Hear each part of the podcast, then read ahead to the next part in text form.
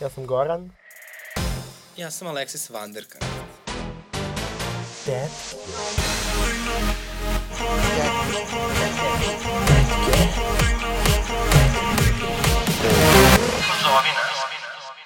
Podcast Tetke radi se uz podršku da se zna i remarkera. Ja sam tu da pružim što ne mogu. Obećam što ne ide. Slažem kad ne treba. Voli me. Ja sam tu da se menjam iz korena. Svaka na gore je promena. Voli me.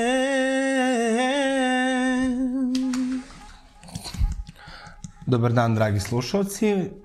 Ovo je bila uh, izvedba muzičke numere uh, Zabranjeni grad u izvedbi našeg dragog Gorana.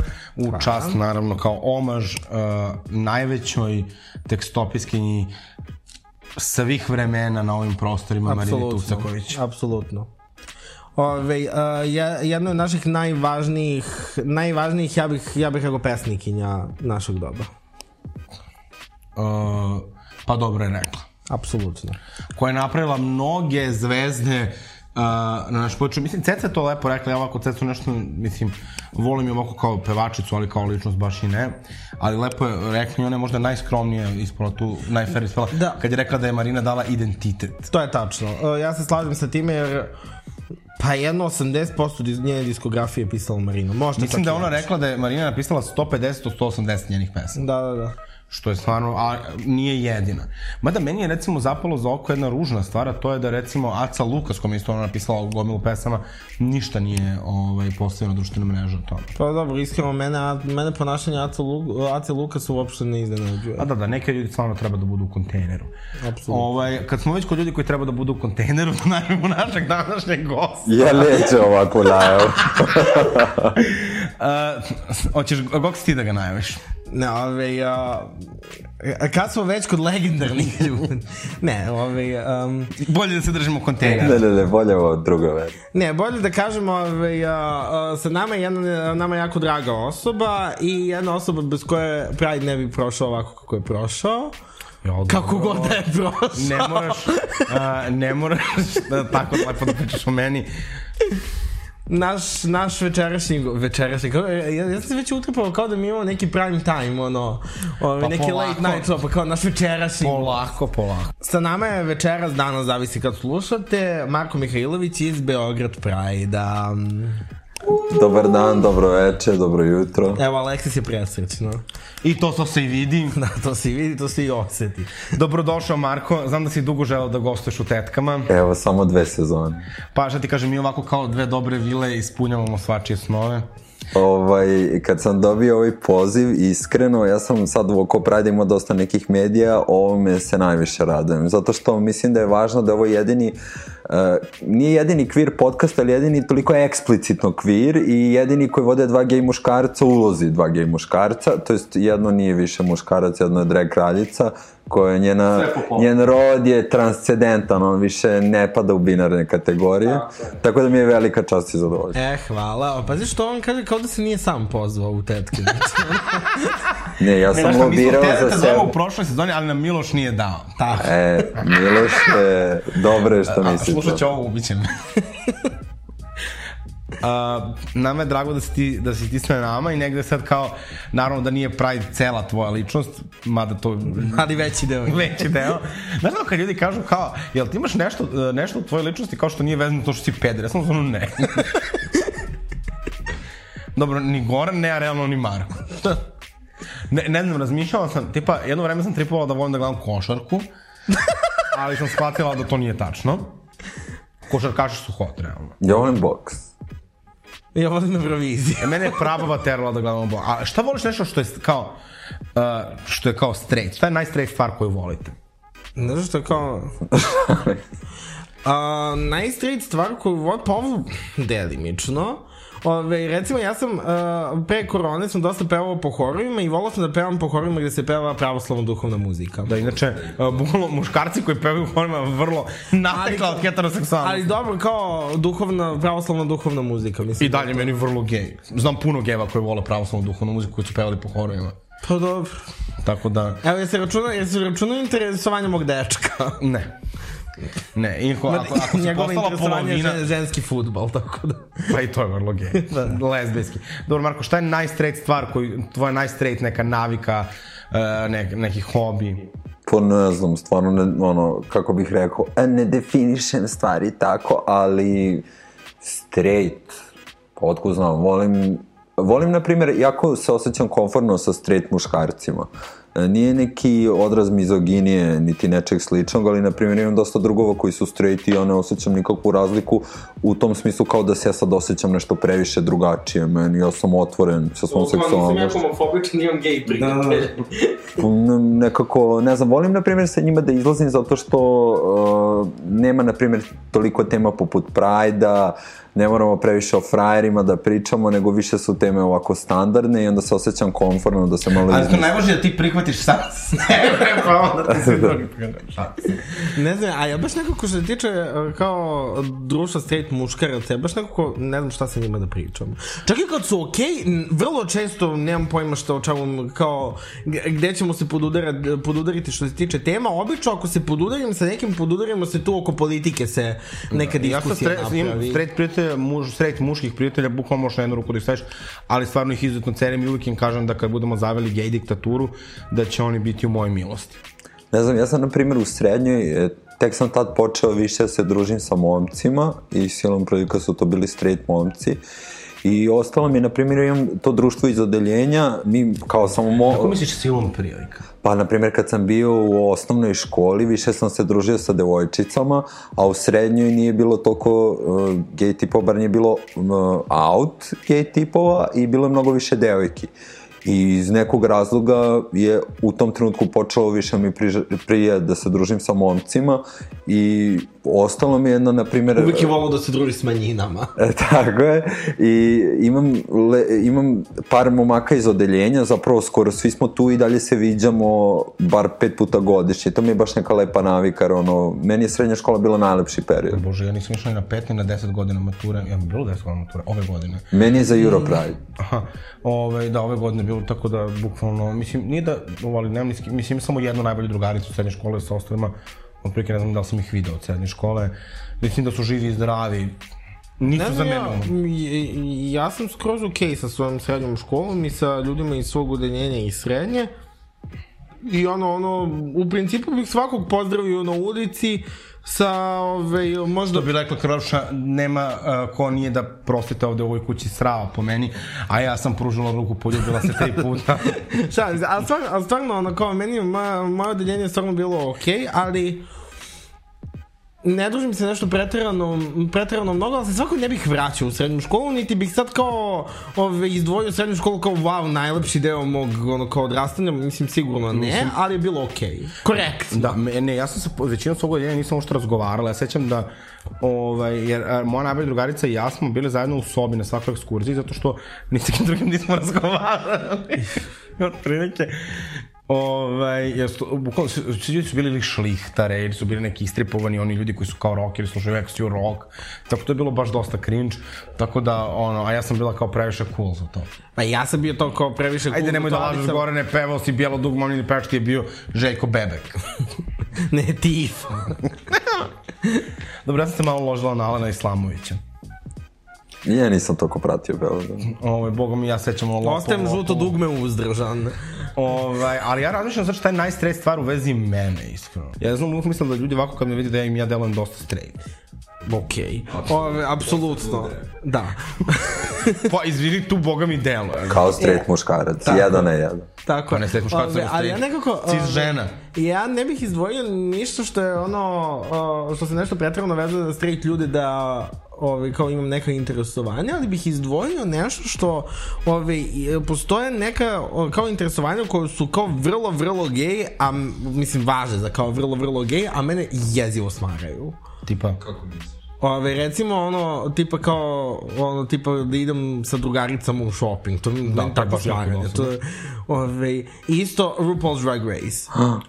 Šta? Šta si rekao? Meni je to takvo smaranje. Šta ti je bre smara? RuPaul's Drag Race, mi je to toliko dosadno. Goran ne može da, da podnese da toliko količina pedera da su si u centru pažnja da nije on. E, samo, ja imam, na primjer, ja sam mislio da ćeš nešto drugo kažeš. Ka, uh, meni je jako zanimljivo što ja znam nekoliko straight tipova koji gledaju Drag Race. Znam i ja. I to pritom pomno prate i ono navijaju kao i mi. Znam ja, ja imam, e, ja imam drugaricu iz Hrvatske, Lutkica Anabela, shout out za nju. Ove, a, njen bivši dečko koji je, by the way, moj, mislim, moj komšija, ove, on je krenuo da gleda Drag Jebali se Race. ko kuća. Krenuo je da da gleda Drag, Ra- Drag Race sa njom, onda su oni raskinuli i sedi sa novim dečkom, ove, Ona ili on? ona. ove, I on je isto, taj novi dečko je isto krenuo da gleda Drag Race sa njom i obojici se zapravo dopalo. Možda je Drag Race vrlo straight stvar. Mislim da možda je zato što je kompetitivna stvar. A možda i zato što uh, oni možda su- nisu straight. Mislim, ja sad razmišljam, to, podsjeća kao, to su kao neki zna, znakovi koji ti se javljaju. Kao moja drugarica nije skontala da je njen dečko peder uh, kad je uh, uzeo od svoje mame tašnu da bi njih dvoje imali matching tašne. Tako da, mislim, ipak ljudi treba da vide neke, uh, kako kaže uh, Paulo Coelho, uh, jel se kaže Paulo ili Pablo Coelho? Ne, Pablo Escobar. Pablo Esco...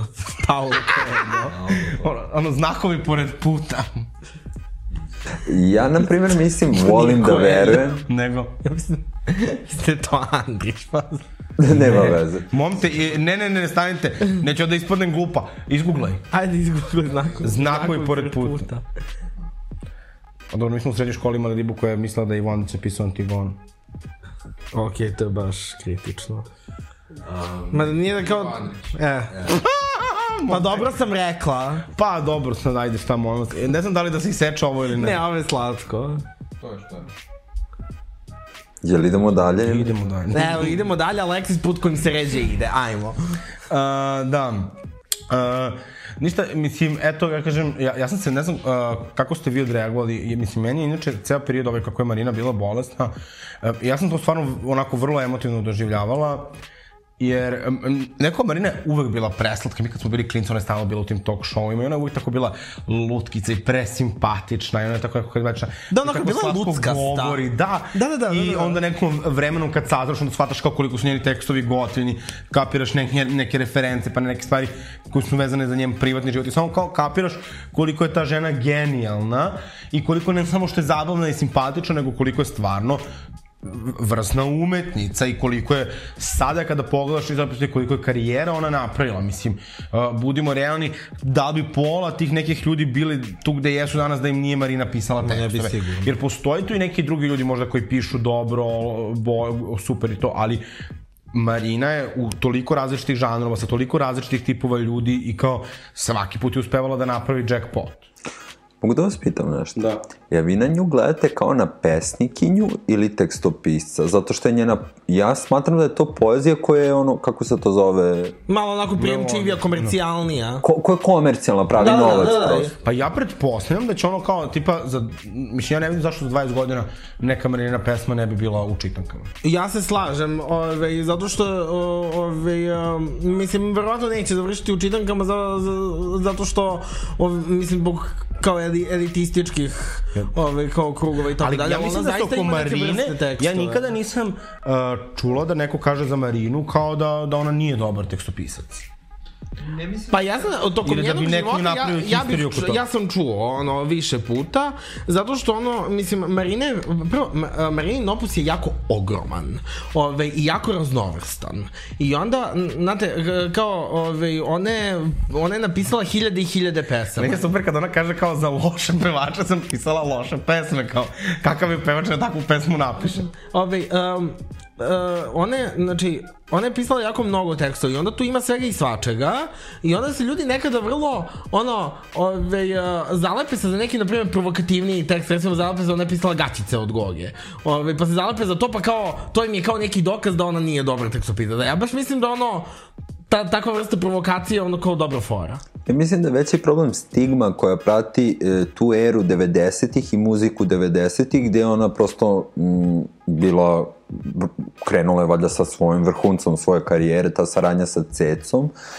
I mislim da ta asocijacija tog vremena, tog žanra muzike koja je vrlo politizovana kod nas, da to stvara problematiku i da to umanjuje e, mogućnost nekih ljudi da prepoznaju stvarno veliki opus koji ona uradila i ja mislim, ja ne znam, dobro ja poeziju stvarno slabo čitam, čitao sam Volta Whitmana kao klinac i tu sam se zaustavio negde, ali mislim da sama količina tih tekstova da mora da ima neki kvalitet čim je ona uspela toliko prosto muzike da napravi. Ali ja generalno imam veliki problem, znači mislim, mislim da mi Turbo Folk treba da doživljamo kao nekakav kulturni fenomen koji je nastao ovde, koji kao, mislim, meni je to čak nekad i smešno i zabavno.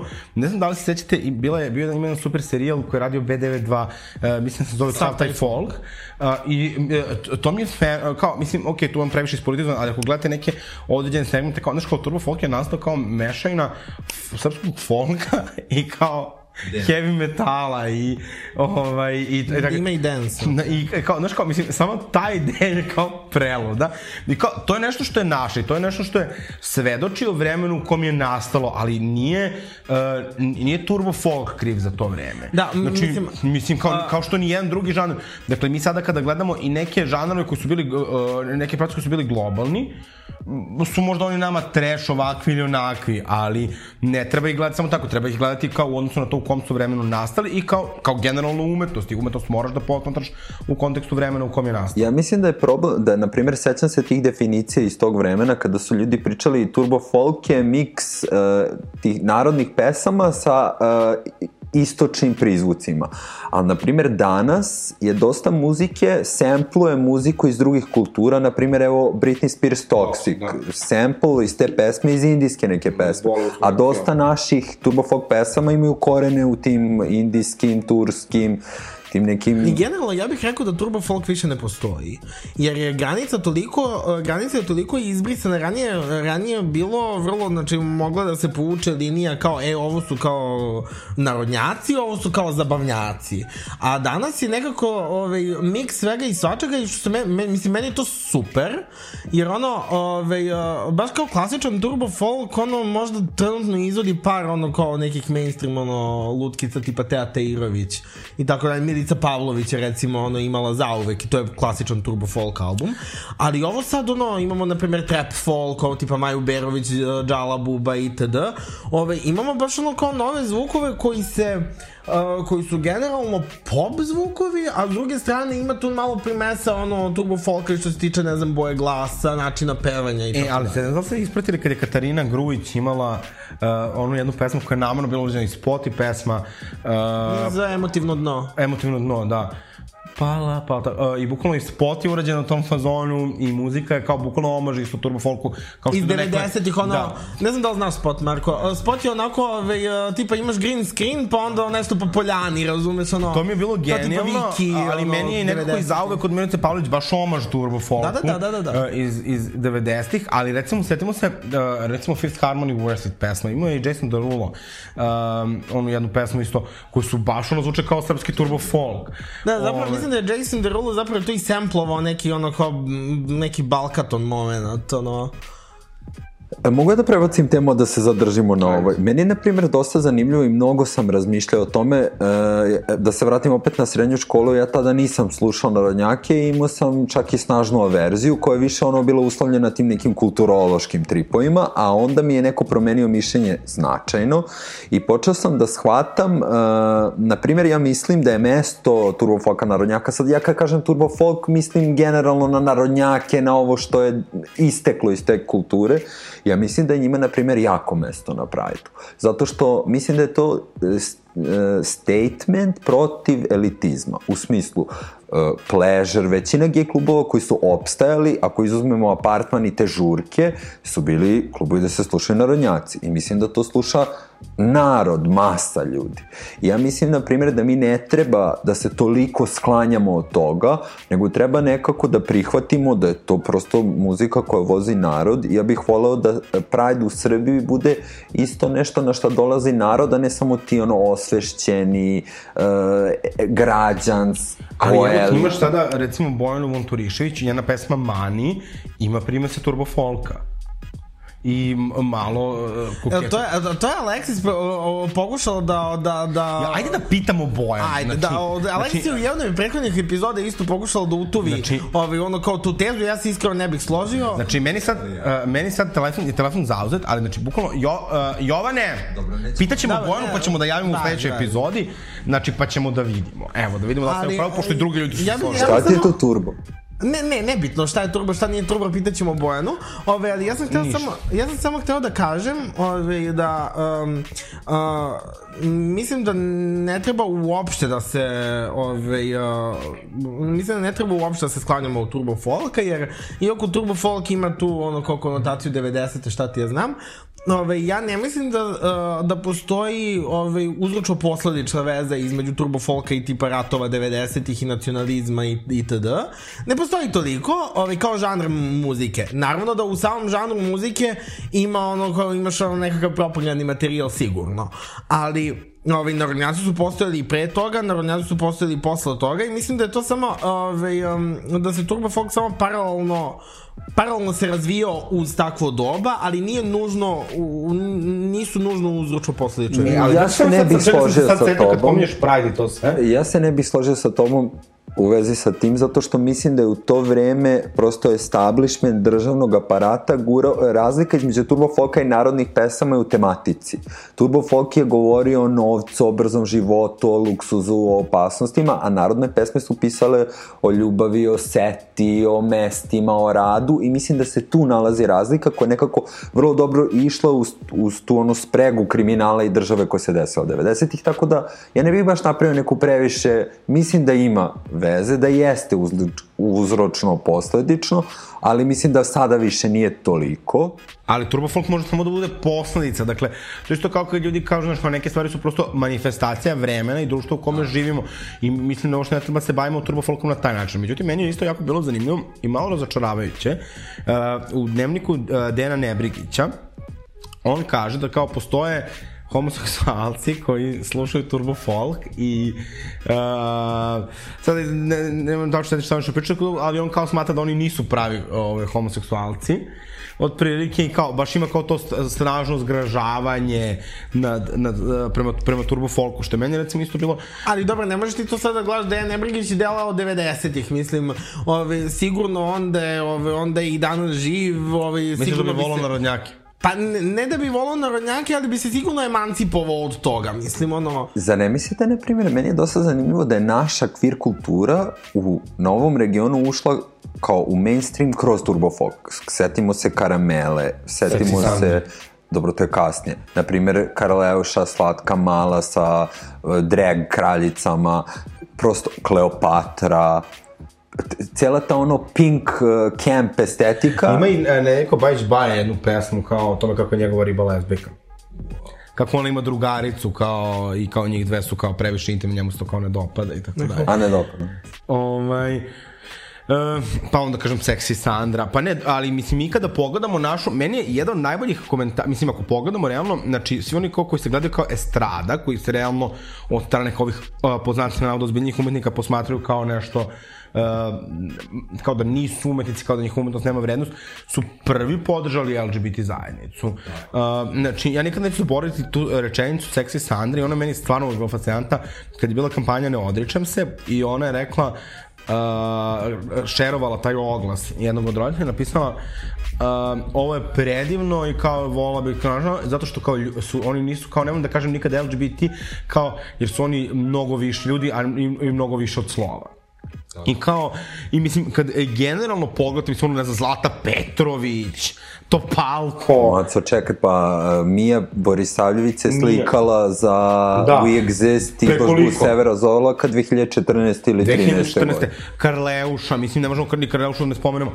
Ovaj, mislim, stvarno je, Ja se sećam, na primjer, 2017. godine, kad smo radili pilot verziju koncerta, ne, 18. godine, kad smo radili pilot verziju koncerta posle Prade, ja sam stvarno mnogo ljudi zvao. I, na primjer, meni je jedna koleginica dala sugestiju da zovemo uh, Airi FM, ja nisam znao šta je to i ko je to, pustili meni je to bilo okej. I mi smo, ja sam zvao tog dečka i on je napisao status. Beban, tako. Tako je, on je Iz napisao Zalog status, uh, upravo su me zvali iz Prajda da nastupam, ne znam kako ih nije sramota, Ne, ne, Zvečanska nije rekao, ne, ne, ne pada me pamet kao da nastupam kao dok Zvečanska, da pevam na pravi dok Zvečanska prokišnja. Posle se izvinjavao, ja mislim. Uh, nešto je pokušavao, ali mislim da ono, naravno kao i uvek, uh, Femice Gay lobby i je je, je lobby su uh, mu se ustrali u život na Te tri dana. godine je Marina Visković nastupala nastupala. i ona je bez, uh, vrlo je otvoreno Meni je bilo prihvatila. fenomenalno kad sam videla tada Marinu Visković i sad onako kao, u, tu stedi kao gomila drag kraljica i ja sad mislim kao i ona neka drag kraljica. Pa to je bila ideja, ona je htela ja da kažem, Ljubije, kako se ti zoveš? Ona kaže, Marina. I ja kažem, jao! A ona je bila fenomenalna, baš se obukla kao za Pride. Imala neki headpiece, kao neka Aj, imala je sirena. nešto. periku, sve, sve, sve. Znači, znači, to, je bilo, to je meni bilo genijalno. Ono što se takođe desilo u protekle dve nedelje jeste Severinin intervju za hrvatski portal Halter. Uh, u pitanju je uh, u pitanju je vrlo obiman inter, intervju gde ona bukvalno otkriva sve detalje ove, um, uh, svoje borbe za, za stratetstvo nad svojim detetom um, i uh, ne znam jeste, jeste čitale? Da, jesam, ovaj, čitala sam ga još neko je izašao da su ljudi krenuli to da šeruju. I mislim, naravno da jeste kao to jedan moment, sa druge strane toliko hrabar moment, jer on nije samo to pričalo sad i o borbi na nego o celom tom iskustvu kako jedna realno jaka i osnažena žena koja je popularna, zarađuje, isto tako može da se nađe uh, u o, ono, u, u, u ekstremno nasilnoj situaciji, jer to što- kako se on prema njoj ponašao i šta je radio, uključujući to borbu za stradateljstvo, jeste ekstremno, na, je, jeste nasilje. Slažem. Ovaj, i, I odvratno je. Mislim, za mene je Severina, mislim, svih tih godina, meni, meni se srce cepalo od s, s, s, te čitave situacije. I nekako, naravno, uvek mi je tužno i kada vidim da se ljudi tako prepucavaju oko oko starateljstva i svega. I ne mogu da verujem da, da jedan čovjek može tako sebi da dozvoli uh, da, da radi protiv dobrobiti sobstvenog deteta. Uh, s obzirom da sam imala takvu situaciju, situaciju u kući da moja mama imala brak pre i imam brata iz maminog prvog braka, mi smo ono bukvalno bili svi kao jedna porodica. I meni je jako čudno da ljudi ne umeju zbog dece da se iskuliraju, probaju da se promene i tako dalje. Mislim, kada nisi spreman valjda na te stvari, onda ni ne treba da se reprodukuješ. Ali, naravno, meno iznova i iznova frapira kako mi uh, nekako gledamo te žene koje jesu moćne i imaju ogroman uticaj, kako neko može da ih zatvori na ovaj ili na onaj način i da nad njima uh, vrši nasilje i to ono što mislim da je ekstremno važno da se izvuče kao poruka da jeste da mi vrlo često kada smo u nas, kada trpimo neko nasilje, kada smo u tom nekom začarnom krugu nasilja, jedno izvesno vreme uopšte to ne shvatamo. Apsolutno. Ove, meni, je, meni je genijalno kako ove, a, Severina u celoj toj priči, ove, a, mislim, intervju je jako dobar, a, znači, a, sve što je ono, ono taksativno izredilo šta se događalo i njena analiza cele te situacije je jako, ono, jako iscrpna. Ove, I a, meni je mnogo drago kad, um, kad vidim moment ona u, tom trenutku kao ovaj, uh, kad, kad priča o tome kako ona probala ovaj, um, kako ona ostala sa njim u vezi i kako je se trudila o, ka, kako se trudila da budu što boljim odnosima sa Milanom Popovićem I sa njegovom porodicom da, da, da, da. Ove, kako je izvukla pouku takođe kao, e, žene, ove, a, ako mislite da možete promenite svog muška, ne možete. Ove, a, znači, bežite glavom bez obzira. Ove, tako da meni se to dosta ono, baš je ono, baš bi se složio, taj intervju je, jeste jako, jako tužan, ali jako, isto tako jako i hrabar. Da, mislim, ono što, ja mislim da kao sad, ja, ja veram da ljudi mogu da se donekle promene i ne mogu da, ka, a sad, e sad, mislim da postoje neke stvari koje su crvene zastavice i mislim da a, ljudi o tome treba da vode računa. Sa druge strane, mislim da se ljudi ne menjaju sami od sebe i obično ih ne promeni ni voljena osoba. Ja lično veram da se ljudi menjaju kroz terapiju, kroz, dakle, rad sa stručnim licima, jer, mislim, evo ja gledam po sebi, jako je teško da se promeniš, i po mom mišljenju gotovo nemoguće ako nemaš nekoga ko će da ti ono objasni kako ti funkcionišeš i, i da, da možeš da razumeš svoje ponašanje i svoje nesigurnosti, jer ja veram da niko ne želi da se ponaša tako užasno i da to nikoga ne čini srećnim, ali mora da postoji neka volja da, da se promeniš i neko racionalno razumevanje da to tako ponašanje je nedopustivo. I ono, znaš, ono, um, kad je neko zao i kad neko ove, uh, um, kad je neko đubro čoveka vrlo često uh, ta osa, mislim vrlo često zlo ne dolazi sa namerom da bude zlo uh, vrlo često ono zla osoba misli da ona ono da radi nešto super da no. Da. ove, radi nešto uglavnom uh, uglavnom iz neke ono Uh, uglavnom iz neke potrebe da ono kao nešto kao zaštite. Ove, I sad, znači, on, on je bio ove, zbog, uh, on je mislio da ti, uh, ja pretpostavljam da je Milan Popović mislio da on, ne znam ti ja kako štiti dete time što ono, uh, time što maltretira Severinu i time što maltretira, uh, da, da, time što zove vračare i ove, uh, i radi bukvalno na uništenju odnosa između Severine i njenog deteta. Pa da, ali mislim, znaš, opet moraš neko da imaš valjda neke ljude oko sebe koji će ti kažu kao, znaš, daj, saberi se, na šta ovo sada liči, da ti, ne znam, uh, ne, ne, ne, ne dozvoljavaš detetu da, da viđa majku, da, uh, ono, mislim, tu, ono, muvaš nešto sa sudijama, sa, sa ne znam, ono, gradonačelnikom uh, Zagreba i tako dalje, sve da bi dobio nekakvu moć. Mislim, mislim da ljudi... ne znam da ste, da, mislim, da, da li ste videli koliko je, koliko je sve tu moćnih ljudi u, u, u, uključeno? Zato što su moćni muškarci, sada ne, možda i moćni ljudi generalno, ali ja bih ovom sigurno rekla uh, moćni muškarci uh, uvek um, uvreženi i umreženi i više umreženi ovaj, i drže se zajedno, znači oni su zlo je uvek solidarno. No, pa ona isto pominju, pominju intervju, znači ono kao da su u, uključeni u slučaj ono Nebojša Stefanović i ovaj, a, a, Patrijarh Porfirije, znaš kao... pa ja iskreno nisam to čitao, tako da ne znam, ali ovo što se tiče moće, mislim da je moć adiktivna stvar. I mislim da dosta ljudi koji, na primjer, dođe do te pozicije da su sami napravili nešto, da im je jako teško da se vrate na trenutak da treba da shvate kako to utiče na ljude koji nisu u njihovoj blizini. Jer to je isto stvar sa privilegovanim ljudima. Često ne znaju da prepoznaju svoju privilegiju jer su okruž, okruženi sebi sličnima. I onda im je teško da razumeju kako je zapravo uh, uh, drugim ljudima. Ali, na šta je stvar? Svi se mi nalazimo u nekoj privilegovanoj poziciji u odnosu na nekoga drugog. Ja sebe umem vrlo da čekam da kažem, aha, čekaj, ovo sada nije okej. Okay. Pa da, ali to nije osobina koju dosta ljudi ima. Hvala ti, Marko. Ove... A i to je zato što se ne nalaziš, u, znaš kao, na nekim poljima, na mnogim poljima se nalaziš u privilegovanoj poziciji u odnosu na druge, ali se takođe i na mnogim poljima nalaziš u neprivilegovanoj da. poziciji i onda znaš prosto da ovaj, kad osvestiš kod sebe neprivilegovane pozicije, kapiram da možeš mnogo lakše da osvestiš ko, ovaj, oko nekih aspekata i privilegovane pozicije. Ali pazi se znaš što je to još jedna stvar, on je opet pretio da će on kao e, objaviti neke njene snimke ili fotografije, nisam, nisam sigurno šta tačno, znači to je neverovatno isto kako uh, Severinom svi pokušava, pokušavaju da upravljaju uh, uh, kao i da, da je maltretiraju kao i zato, drže u šaci zato što je žena, jer sutra kada se bilo koja žena objavi gole slike, znači ona se proglašava za nepodobnu majku, za ovo, za ono, mislim kao žena se slikala gola kao i svi ljudi, jebote, ali kao mislim da ova civilizacija nije odmakla uh, dalje od toga Da, da, da, stvarno. Pa to su ti jeftini alati. Mislim, to je diskreditacija nekoga na osnovu njihove seksualnosti. To je ono što mi trpimo konstantno.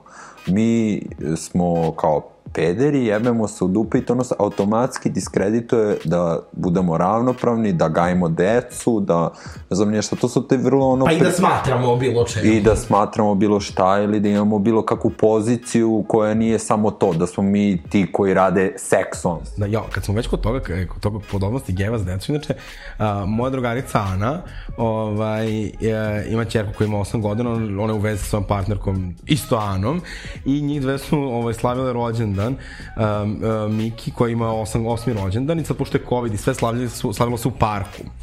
I ovaj, tu je bukvalno sad kao mislim, ja sam što se je bavio kao da je pozvano više pedera nego dece. Međutim, taj rođendan je bio presladak onako u parku i sad kao ne znam, sad bilo sve i svašta decu, ne znam, pinjate, ono ja puštao tu muziku, ono malo... Ono, Bože, koliko Amerikana. All I want for Christmas. uh, let it go, ali mi je bilo preslatko kako daš kao sad svi ti roditelji su konačno sedaju black, kao, a mi pederi kao, ja puštam muziku, tu što gledam da li neko dete palo, dižem ga, uh, ovamo, uh, ne znam, mom, ovaj, momčalo miksa pi- piće deci, im šta kome treba, uh, ovaj, dočekuje decu, priča s njim ovaj igra aračkinje, baračkinje s decom. I kao, bukvalno, kao vidiš, kao, i, ka- kako kaže Mika, to su moji ujaci. O, I kao, bukvalno shvatiš kao... Gankle. da, da, i ka, bukvalno shvatiš kao, koliko kao, znaš, kao, uh, zapravo, kao je nekim ljudima to normalno i koliko kao, uh, kao ta Mika, razliš, koja je do, ovde, bu, pa, bukvalno pre sat vremena bila s nama, kao ima sreće, kao nju mama dovede i na drag nastup, i ona ide u školu normalno kao sva deca, kao ali možda ode na drag nastup, pa kao da je neko našminka da izgleda kao drag kraljica i ima kao uh, onu gomilu maminih drugova i drugarica koji se igraju s njom i druže i kao, znaš, ono te prosto pita jeste vi muž i jeste vi žena i žena, ona kad joj se neko dopadne, hoće da ga impresionira, ona kaže, a, e, znaš da moja mama ima ženu? I kaže, ja imam tri mame. I tako, mislim, pa zato što ima i tatina, uh, i, i tata ima drugu, pa onda ona ima tri mame i tatu.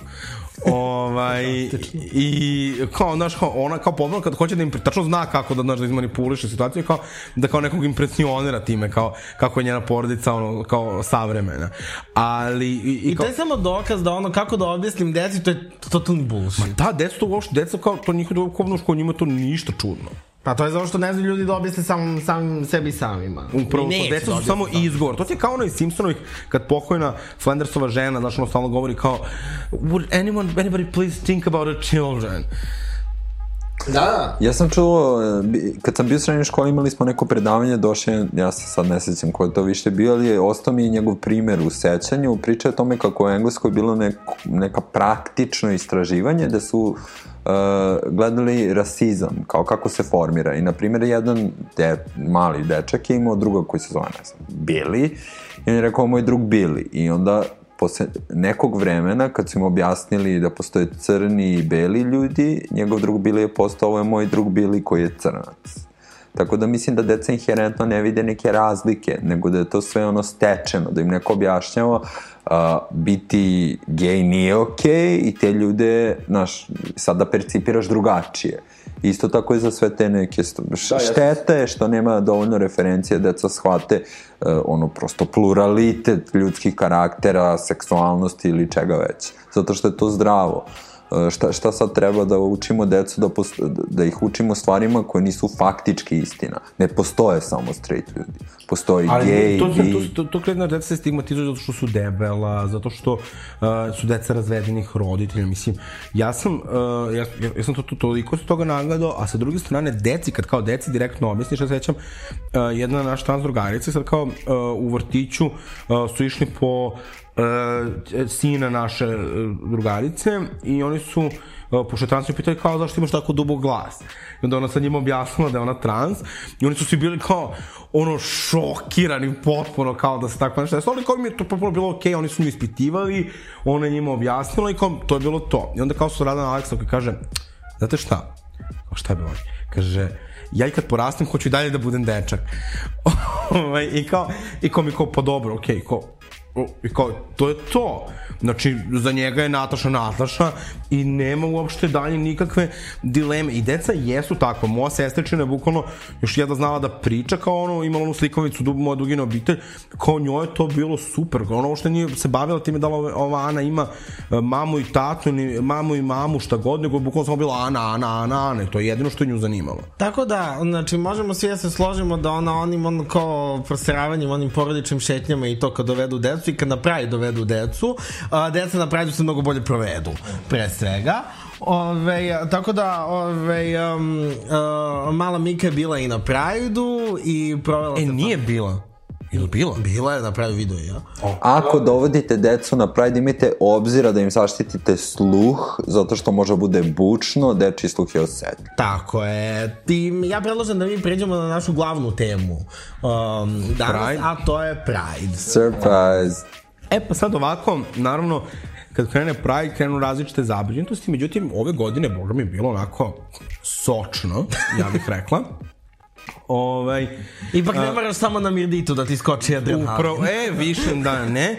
Kad kažem sočno, ne bih se referisala na uriniranje ovaj, aktivista Leviatana po Prideovom, uh, po Prideovom baneru, ali ajde, to se kao prvo desilo, što je onako bilo kao baš Skandalozno.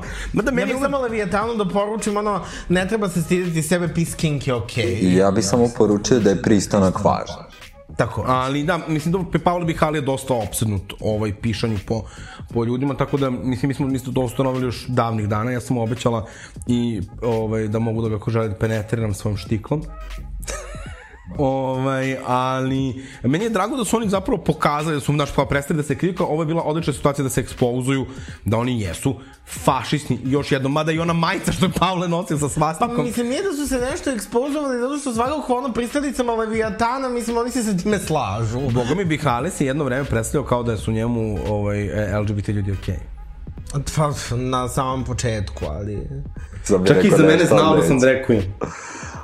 Ja sam bio tu kad se to desilo. Mi smo imali godišnji Pride forum koji radimo i ove godine e, moje kolege koji su bukirale prostor su uzele taj jedan prostor, zove se Impact Hub u Makedonskoj 41. Na jednom od sastanaka kada smo prolazili program, ja sam primetio adresu i onda sam se setio da je Pavle Bihali negde na Twitteru noć pre toga pozivao nekog na tuču i rekao mu je dođi u Makedonsku 41, ja sam tu.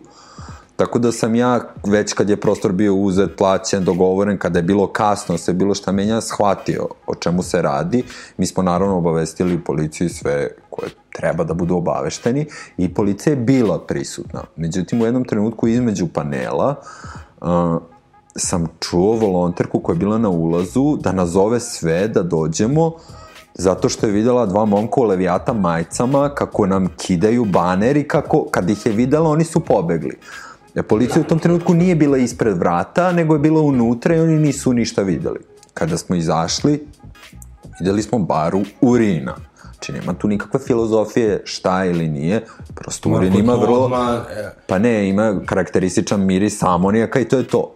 Uh, I onda je... Pirijski je utvrdio čemu se radi. Empirijski sam utvrdio čemu se radi, osnovu iskustva, šalim se, ali da, tako da to, to se desilo, meni je to bilo fascinantno, šta njima pada na pamet i policija naravno odmah reagovala Kako? tako što je prečešljala zgradu i našla baš tu dvojicu koji su to uradili.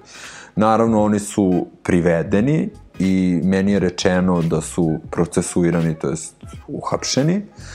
Um, Pavle Bihali je postao objavljivo kako ništa od toga nije istina, kako će onda nas tuži sve koji tvrdimo da se to desilo, bez obzira što smo mi to videli, tako da, da, to, Da, to, da, to, čudio sa, da, nije čud, da nije uzao da preti da će nekoga da bi.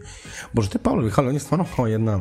On je bukvalno uh, neverovatno kako je ta uloga uh, one uh, braće što maltretiraju Necu u uh, srećnim ljudima ovaj, napisana bila za njega. E, znate to? A, da. On glumi onu braću koja bulinguju Necu srećnim ljudima. pa nisam to gledala, iskreno. Ovaj, i, e, nije ni bitno. ovaj Marko iz Blazira, nije gledao srećne ljude, nije, nije slušao Turbo Folk Pa sad slušam znači- šta i... O, dobro, kajao sam dobro, grehe. okej. Ali moraš onda da pogledaš i da srećne ljude. Ne mogu. E, uh, bože, bukvalno ne znam kako ljudi mogu Ali da žive bez da, pa stanite. da spoznaju veličinu Riske i sestre Antonije. Bukvalno to je oblikovalo moju, moju gej ličnost.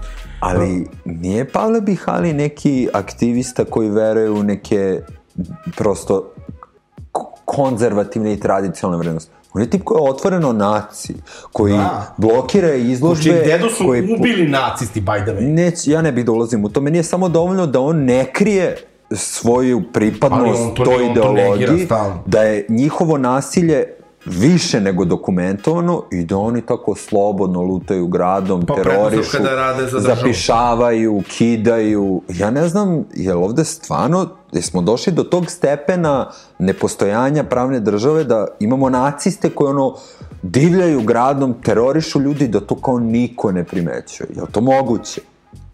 Moguće. Pa evidentno da da. Ne, ali bio je, pre nego što, ne, ovaj, bio je, uh, bio je i slučaj onog, onog lika što je na Prajdu, ovaj, uh, um, ne na Prajdu, ali u toku Prajda i, ovaj, uh, i, iza, iza policije je ovaj, zapalio gej zastavu. A to je bio kontraprotest. Da, da, da, da, da, oni kontraprotest, da, znate ono kad ono kao ti najobskurniji desničari organizuju protest protiv apsolutno svega.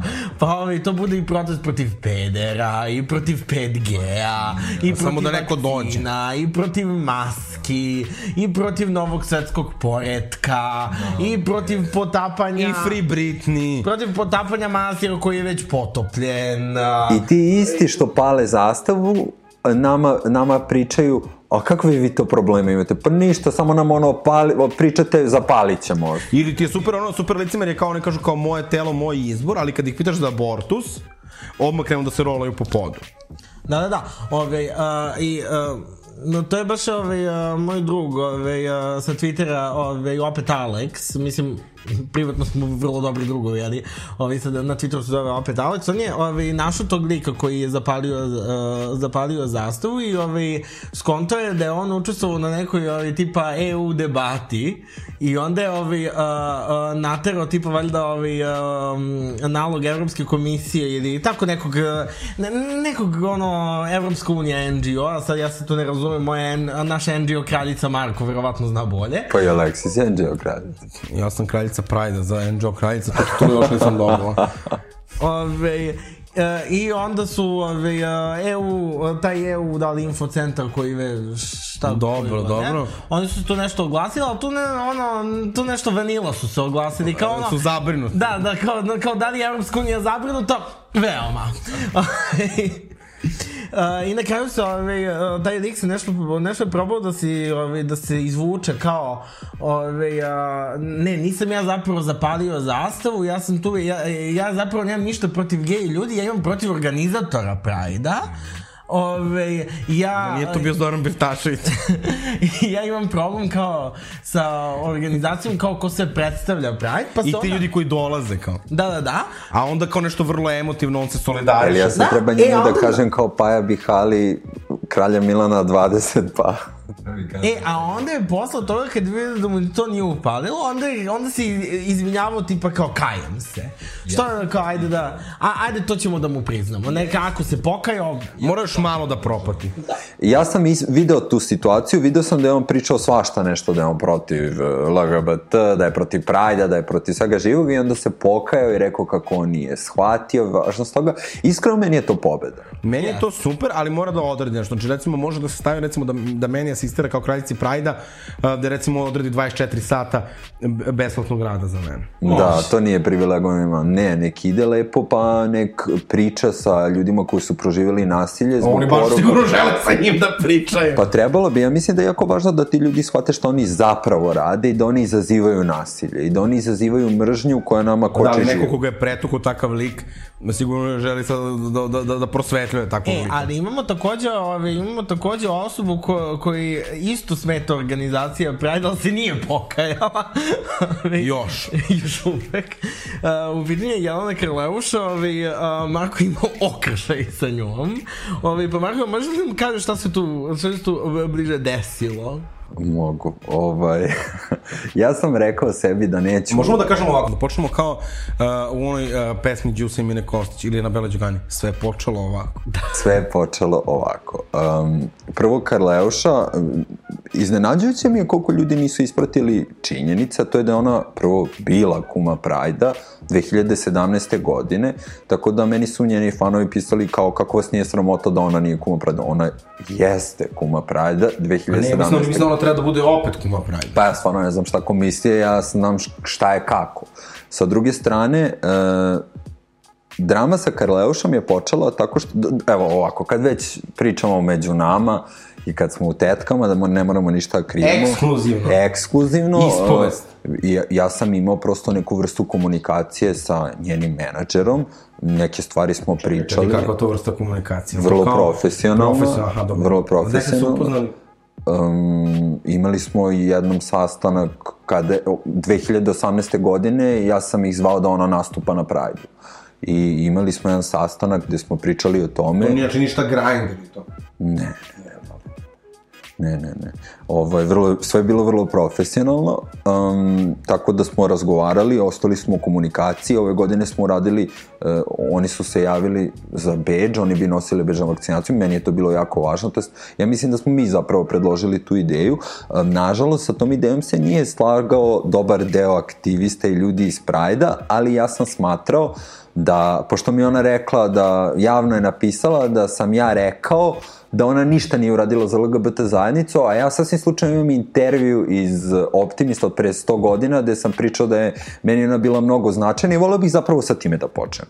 E, pre nego što dođemo do ove teme kakva je ona sad i šta je radila i to, ja stvarno mislim da kada niko sa estrade nije pričao o našoj zajednici afirmativno, ona jeste. Kad sam ja bio klinac, meni je jako bilo značajno to što ona radi, jer stvarno niko drugi to nije radio i da je I dalje, posle svih ovih skandala, mislim da je njen doprinos veliki, vidljivosti naše... Ali nije pitanje njene, nije, ovde niko ne postavlja pitanje toga da ona to, ona to rekla, svi kažu.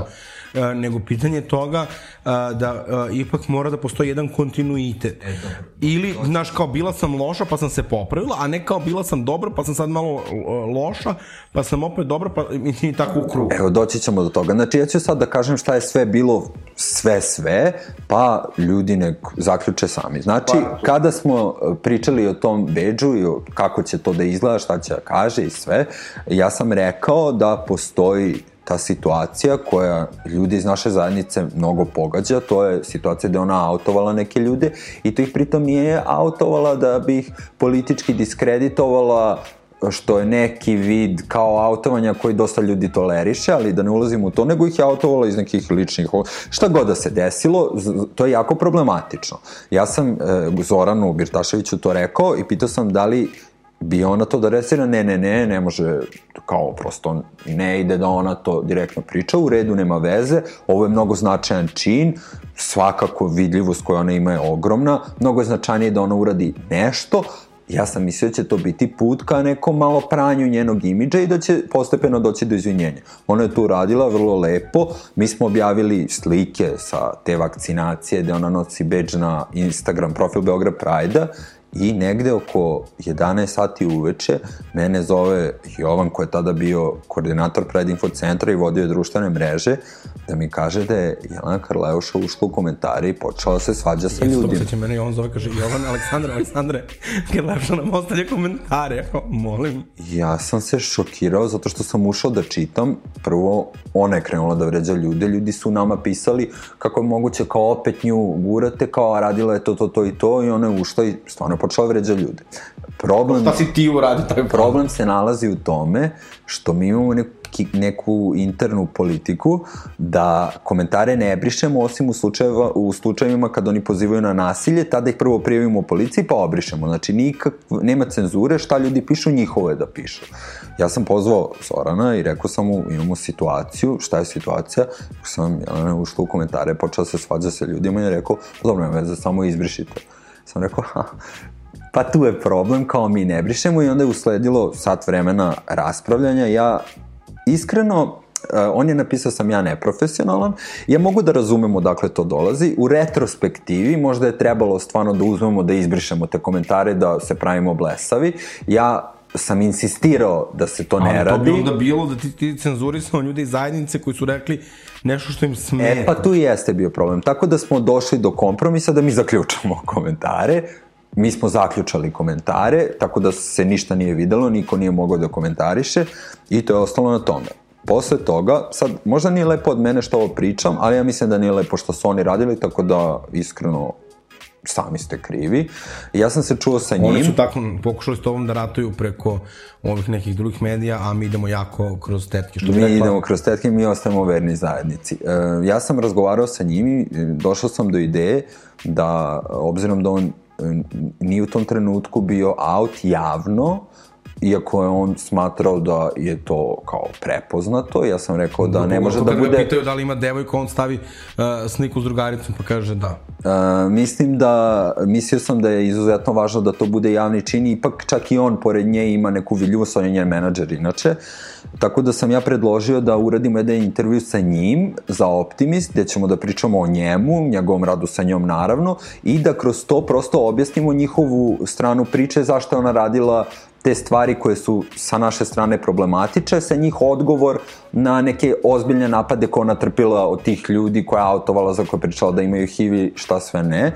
Tako da to je bio jedan razgovor koji je trajao i to je trebalo da se desi. Ja sam pozvao Peđu Azdekovića, urednika Optimista, on je rekao nema problema, šest strana, naslovnica, šta god, kao bilo bi jako značajno. I imali smo dogovor da se čujemo određenog dana da prosto pričamo kako ćemo to da izvedemo. I Zoran je meni prestao da se javlja, ja sam ga zvao tri puta dnevno, sedam dana, 21%.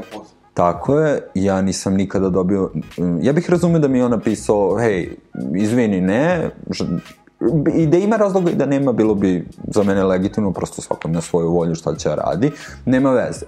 Takođe, u tim, u tom procesu razgovora, ja sam razgovarao o tome da mi imamo Euro Pride 2022. godine i da bih ja voleo da ona ima nastup tamo. Tako da ta priča da, Da mi nju nismo pozvana, da. zvali, to nije istina. Ali tajming je zanimljiv da se to sve de dešava od momenta kada se saznaje e, da koja kuma pravi. E pa, ja ne bih da ulazim previše u šta su njihovi motivi, ja samo mogu da ispričam kako je drama počela. On je objavio na svom Instagramu neki Q&A da ga neko pitao jel dolazi na Pride i on je rekao ne, e, mislim da su organizatori neprofesionalni. I mene je to jako pogodilo, zašto je to bilo u sred Pride Vika. Ja moram samo da kažem, ovaj, ovo je jedna mala kritika za tebe konkretno. Da. Ovaj, ja mislim da, znači, o, to je krenulo vrlo vanila sa njihove strane, sad to za vreme Pride Vika, znači oni su rekli da je ono kao organizacija neprofesionalna, mislim da se čak i Karleuša oglasila i to je to i onda si ti reagovao burno, je te, ja razumem to te je pogodilo, ali mislim da, da je trebalo samo da iskuliraš i da tako ne bi bilo ni, nikakvih eskalacija, samo bi ostalo o tim storijima i ni, niko se ne bi ničim Da, ali to je uvek lako da kažeš kad si neka osoba sa strane, razumeš? Kad tebi neko kritikuje tvoj rad Jasno. i tvoj odnos, mislim, ja razumem da to, mene to isto, iskreno, znači ja mogu da podnesem da mi ljudi kažu svašta, znači, eto, meni ti karleušni fanovi, Ja znači, godinama vređaju da sam debela, da su mi odvratne perike, Ja mislim da, ovo, ja ono. da sam na Markovom mestu, ja sad nisam na Markovom mestu, ali mislim da sam na Markovom mestu da bih iskulirao zato što, ok, povredilo bi me, ali takođe znam kako funkcioniše Jelena Krleuša. I kad se za nju uhvatiš, iskreno bolje da si se uhvati za trofaznu struku. Ovako, u retrospektivi e, ja shvatam da bi sve bilo mnogo lepše, da ne bi bilo drame, da ja ništa nisam odreagovao. I zapravo ja i nisam odreagovao, ja sam se sa njim dopisivao posle tog storija njegovog. To, um, to su ti, te slike koje sam ja kasnije objavio sa tim dopisivanjima. Uh, radi se o tome da da, apsolutno ne bi bilo toliko drame, ne bi bilo toliko skandala, ne bih proživeo šta sam proživeo od njenih fanova ili nje. Uh, da, pa nije, ali mislim stvarno ovako. Znači, to se sve dešava u sred Pride Vika Hoćeš sada kada... da se previješ onako Ne, ovaj, neću, na ali znaku, samo bih volao da objasnim na kom piše moj kao mindset, kako sam ja to doživeo. Znači, jedno je da neko daje legitimne kritike, vrlo podržam. Je, jedno je da neko iznosi svoje mišljenje, svako ima pravo na to. Ali jedno je da ti imaš, da mi imamo ne, neku vrstu kakve takve saradnje i da si ti vrlo svestan š, koliko se mi trudimo, koliko je sve to na mišiće, koliko je to bez para, koliko tu, ne da nema profita, posebno ne za nas, i ja sam hteo zapravo odmah da objavim šta se mi dopisujemo, i onda su mi svi rekli nemoj slučajno koji si ti normalan, to se nikad ne radi, moraš da shvatiš, oni su nam dugo bili saveznici, one to, i ja sam to uh, uzeo kao legitiman razlog i zaustavio se tu. Međutim, u sred te drame sa a, Leviatanom je Karleuša na svom Instagramu krenula nešto da priča o nama, između ostalog da priča da mi jedino što radimo je krademo pare od države i da se bogatimo. Draga Jelena, za tvoju informaciju, država Srbija dinar nije dala za Pride, mi nikada nismo Dala dobili... jedne godine 300.000 dinara. A koje to godine bilo? Kristal. 2013. 13 ili 12. Pa sada je 2022. Ne, ne, ne, slažem se, slažem se, samo, 21. samo da, ne, da se Ali ne da bude- da se da se ne O, povampiri evo, neko otkad posla, sam ja deo Beograd da se Pride-a ne povampiri 2016. uh, neki, da, da ne imenujemo sada, pa da kada izvadi tamo kao i da kaže, mislim 300.000 su stvarno smešne pare. Da, o- Pogotovo da- kad radiš nešto kao što je Queer Sound. Znači, oni su objavljivali, Zoran je objavio moju sliku, objavio je, ovo vam je organizator Pride-a, on je rekao da Jelena nikad ništa nije uradila za zajednicu, pa kao njemu se obratite, to je ona objavila i ja sam onda dao moje mišljenje da ako si već kuma Pride-a, mm, je malo absurdno, prvo ona je nas blokirala na Instagramu, pošto smo zablokirali te komentare po njihovim željama, ona nas je blokirala, ja sam mislio da kako možeš da budeš saveznik zajednice, da ajde što si radila stvarno ultra problematične stvari za našu zajednicu, drugo i neko njeno ponašanje prema drugim ljudima je isto bilo jako problematično, to nazivanje ovih debelima, diskreditovanje ljudi na različitije načinje, ponižavanje, šta Napravo sam god. jedan, jednu tred na tu temu, ovaj, Da, ja sam tada stvarno, znači opet u retrospektivi, da nisam bio pod enormnim sredstvom pod kojim jesam, verovatno bi bio fuzon, bože gospode. Međutim, mene je jako pogodilo i lično, zato što znam koliko je meni značilo njeno delovanje za našu zajednicu i koliko mislim da je, bi mogla da doprinese samo da, da nije bila toliko sujetna i da nije pisala stvarno najtoksičnije laži. To, to je ono populizam par excellence. Pride krade pare od države, organizatori se bogate, oni samo hoće da se slikaju sa pevačicama, mislim... A ona je tu negde kao bila uvređena što nije bila pozvana, što isto meni stvarno absurdno, jer kao, uh, mislim, ako si ti želala da prošetaš na Prajdu, što bi bilo super, znaš, kao jedna Severina, koja je ipak jedna od trenutno najvećih regionalnih zvezda, koja je žena, jedna od redkih pevačica na ovim prostorima koja može da napravi balkansku turneju, Apsolutno. ne po klubovima i ide, vidimo se u, u, u klubu Diamond u Bugojnu, nego kao stvarno Nego u sebe u arenama. svako, znači u svakoj areni u bivšoj Da. Jugoslaviji ona sad da napravi Dođe koncert na napraviće. Pride ne, bez poziva, bez zahteva, bez ičega Dođe, i prošeta. prošeta sa, sa ljudima. Ja kad sam pitala, kažem, Bože, a kako ste vi krenuli sa Veronom Kušmić? Žena samo došla. Znaš, i kao, mislim da u tome i jeste, kao, Severina kapira stvar. Postoje neke, e, neki ljudi e, u ovoj zemlji, isto kao što, ja sećam, znači, od prvog Prajda Mira Karanović je uvek bila tu.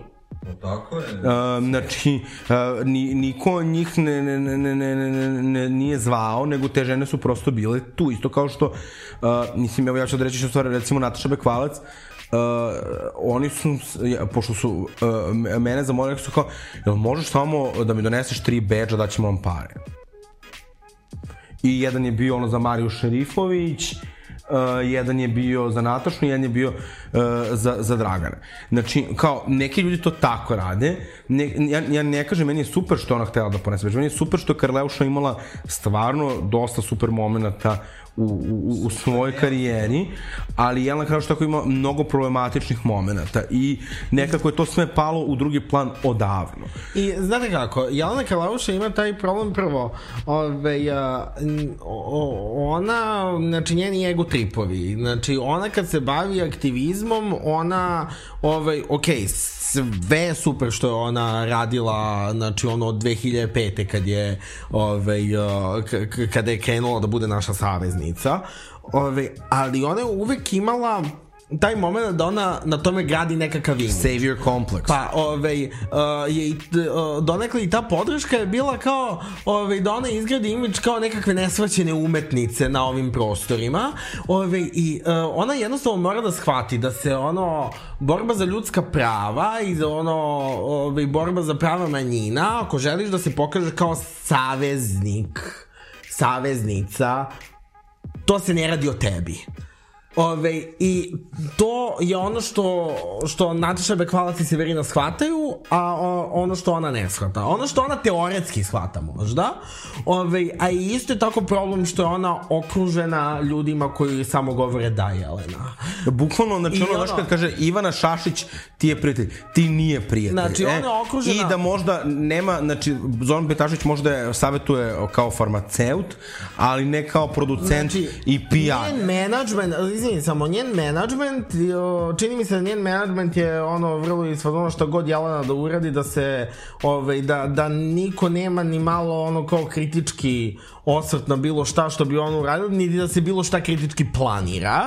Ove, isto, Karleušini fanovi su toliko ono zagriženi Stan fanovi da i ono Znaš kao, niko... Njih 13. Da, dobro, ali kao tolike zagriženi fanovi koji ono samo gledaju da opravdaju svaku njenu glupost. Ja mislim da, ja se ne bih baš složio sa tomom da je ona to radila zato što je računala šta će njoj da godi, šta neće. Mislim da u vremenu kada je ona to radila to nikako nije bilo pozitivno, nikod koga osim Boga mi kod... vrlo jeste išlo na taj shock value, jer kao... Dobro, a, ali sve jedno benefit toga što je radila je za mene mnogo, mnogo veći Da, nego... ali mi možemo da pričamo o nekim e, ženama koje su kroz svoju umetnost podržale kvir zajednicu, dakle i onda kao da li neka background ispričala puno o tome. Takva je bila Madonna.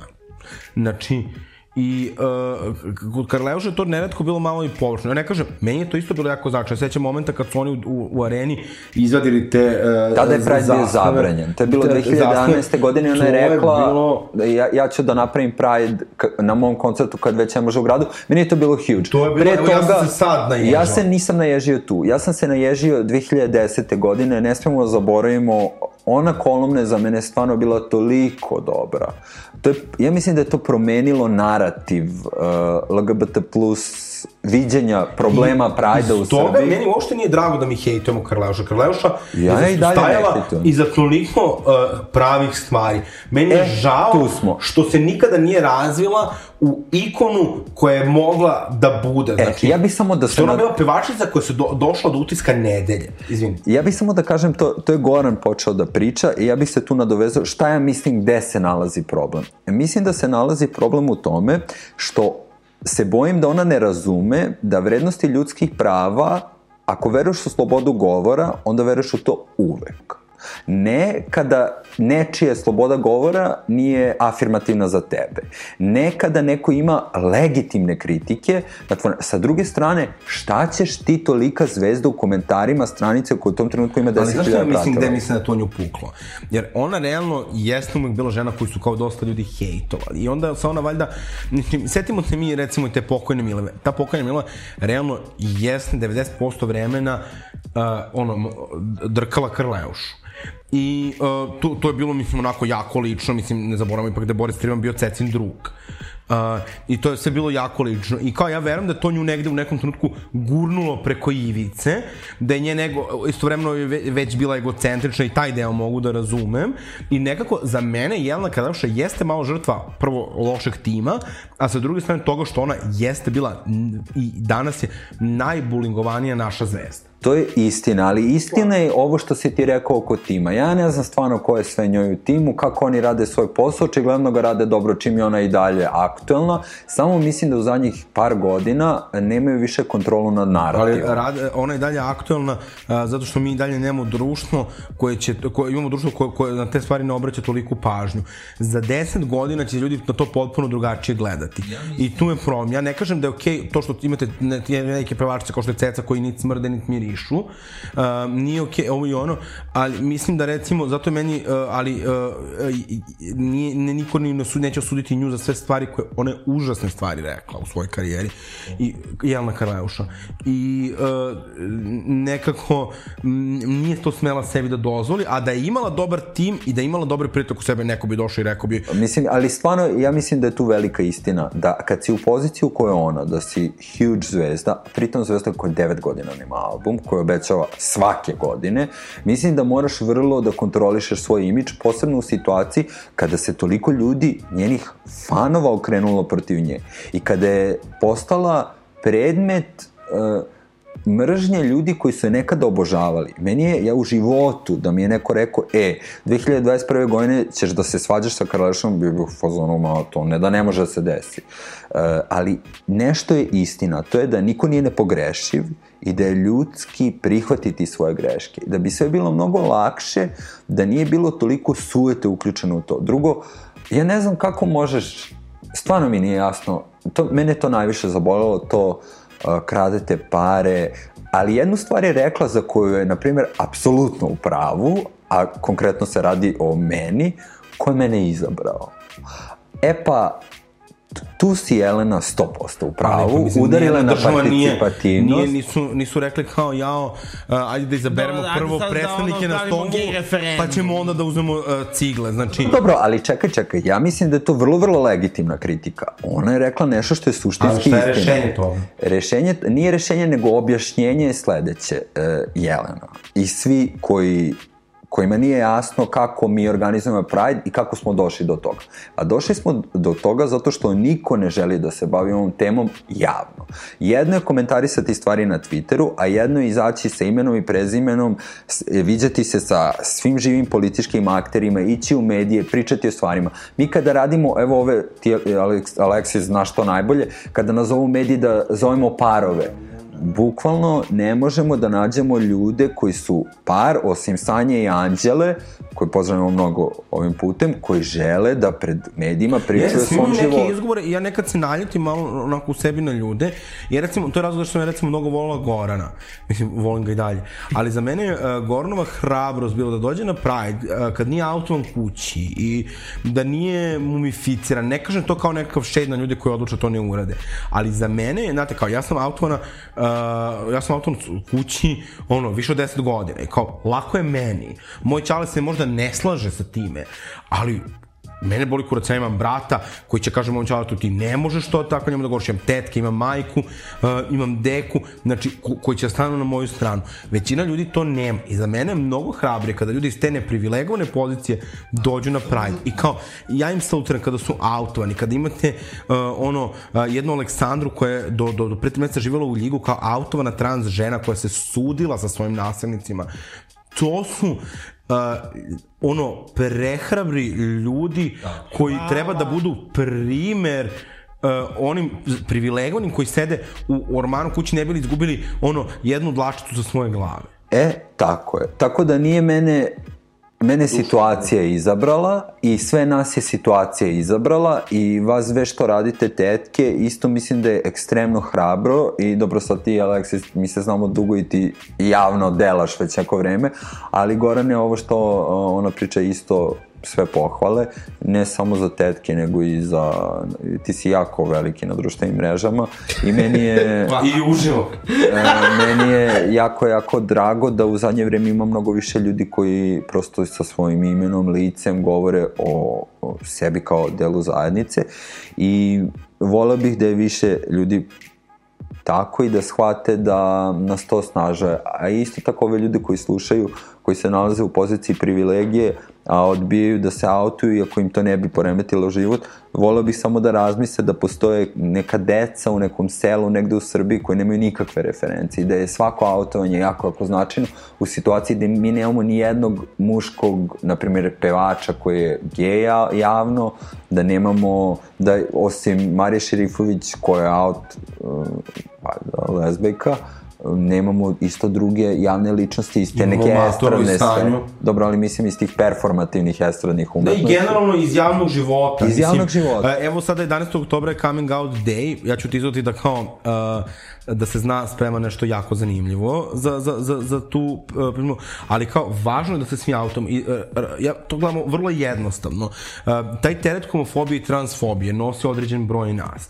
Svaki put kad se nova osoba autuje, Uh, taj Malo teret je malo manji. Sa druge strane, uh, znaš, kao ljudi kao što sam ja, ljudi kao što je Goran, uh, nisu imali puno izbora. Znači, meni su od, ne znam, četvrtog, petog raza svi govorili da sam peder. Znači, čak, ono, dobro, bila sam ja tada uveliko već svesna, ali uh, ja nisam mogla od toga ni da pobegnem. Znači, tebe, uh, znaš, neko pita da li si peder, da li si nekad imao devojku, da li si ovo, da li si ovo. Uh, I, znaš što, ja sećam, uh, možda peti, šesti razred i studio sam uvijek na malim odmorima, kao sedim sa slušalicama u ušima i kao igram tamo u zadnjoj klupi, na Britni, ovo, ono, meni je to bilo omiljena stvar da radim. I neki moji drugi sudeljenja mene udario. I sad ja kao nisam teo se svađam, mislim on je bio jači, da sam to rekla razredno. I on kaže kao, pa a, nisam ja njega džabe udario, nego je on igrao kao žena. A ja sam, mislim, Kao da je loše biti Ovaj, mislim. ali on je mislio da je to kao legit objašnjenje, znači dete u petom razredu, šestom, na, niti sam ja prestao naravno tako da igram, niti on verovatno prestao da bude homofobičan, ali sad da ne dužimo. Prosto neki od nas nemaju izbora i kao oni koji imaju i koji imaju dovoljno privilegija treba da, uh, da se autuju. E, ja bih samo još dve stvari da kažem na ovu temu, zato što više neću pričati na ovu temu, a to je e, za Karleušu. Je, I još jedna stvar me je jako pogodila, a to je došao od jednog novinara, koji, za koga sam ja mislio da je super dečko i sve, on je napisao članak u kom je napisao da sam ja autovo Birtaševića, to nije istina, zato što je on u postu na koji sam ja inicijalno reagovao napisao ja kao istaknuti član zajednice, tako da ja nikog nisam autovo. Ali zanimljivo da ti ljudi ne primetne uh, kako to izgleda kada ti napadneš bez ikakvog dokaza nekoga, uh, kažeš da muva sa parama, da je ovakav, da je diletant, tako, tako dalje, a onda jednom kada ga autoš, to se sad kao računa kao neka potpuno druga kategorija.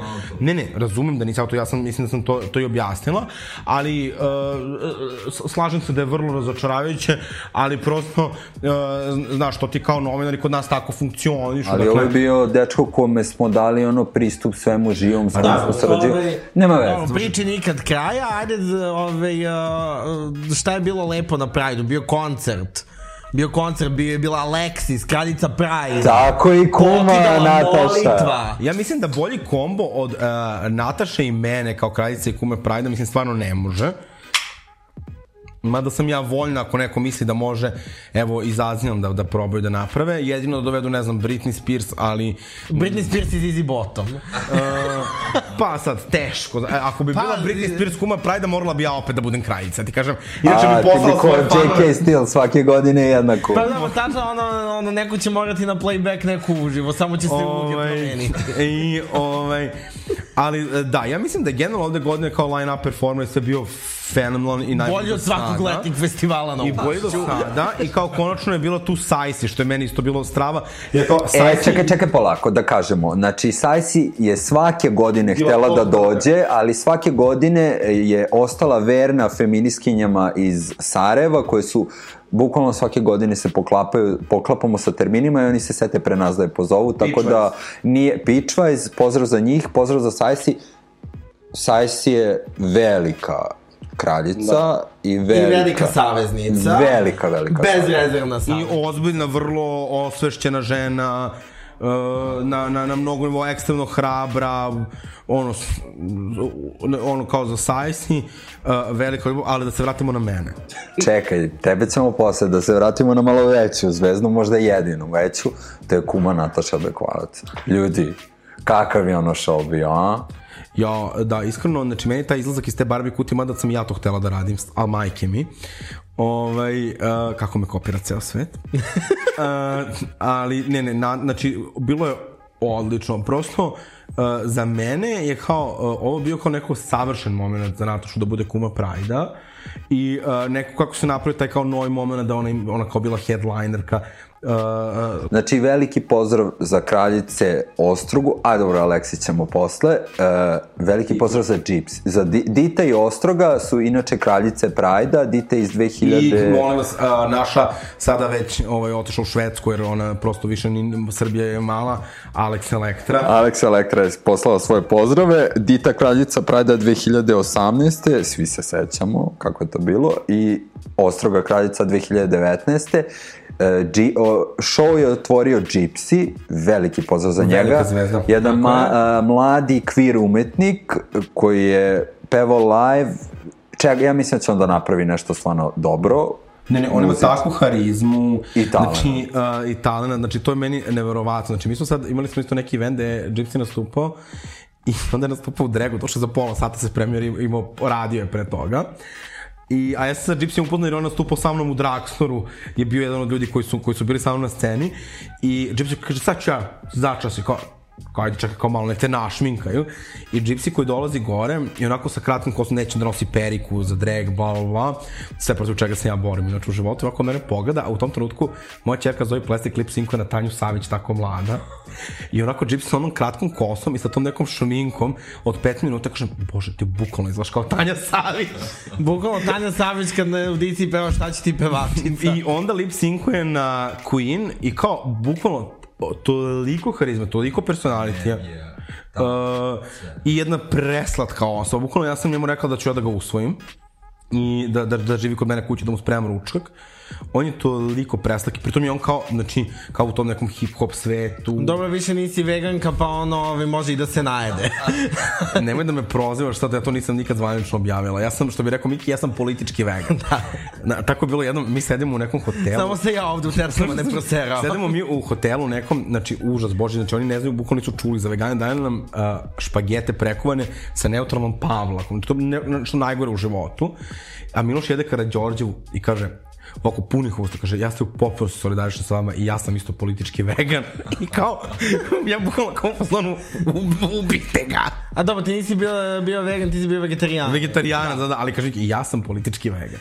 Ove, Da i se vratimo. Mo, mo, moramo da pomenemo i nastup Sarajevo. Da. Ne, nastup Sarajevo. E, ja moram da kažem. 19. Inače, Kuma Pride 2019. Ja samo moram da kažem. Sarajevo je ubedljivo najbolja performerka koja se pojavila u poslednjih 10 godina. Ja to govorim, znači, Vokalni talenat, plesni talenat, Znači- harizma, beauty, nema šta ne, ne. stvarno- Ja, ja sam slušao... Požrtvovanost. Ja i ono, mislim ono, moj ono istančani sluh u, uvek, uvek radi ja ono procenjivao sam ko je ono pevao live, ko je lip synco it, itd. Sarajo, Lutkica, znači...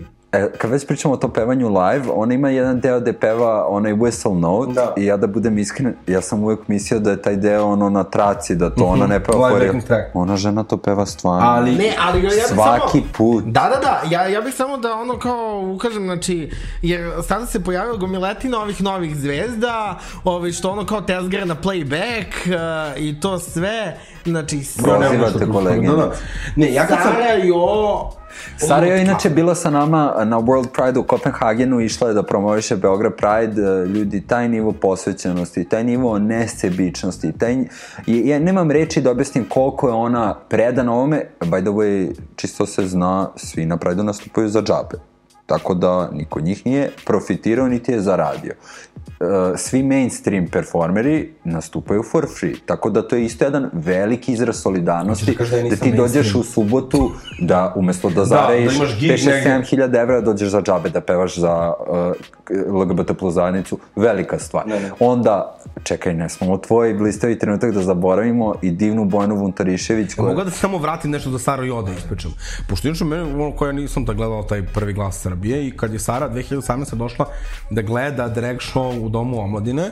Ja I tu uradila surprise uh, perform. Da, da, i ako gledam, jao, šta se sad ova loži, kao ona tu nešto bitna, došla u nekom naranđastom modelu, bukvalno baš sam ishitovala. I kao sad ona kao će tu da nastupa, jao. I Sara joj izađe na binu, znači meni je bukvalno Vilica bila na podu, Uh, znači prvo kako je ona pevala, kako je ona igrala, uh, ta interakcija. Uradila je jump, split, da, death throw. znači, uh, ja sam bukvalno bilo u fazonu, posle ona se vraća u backstage i kažem, jo, lepotica, ja sam mislila da si ti neka jadnica.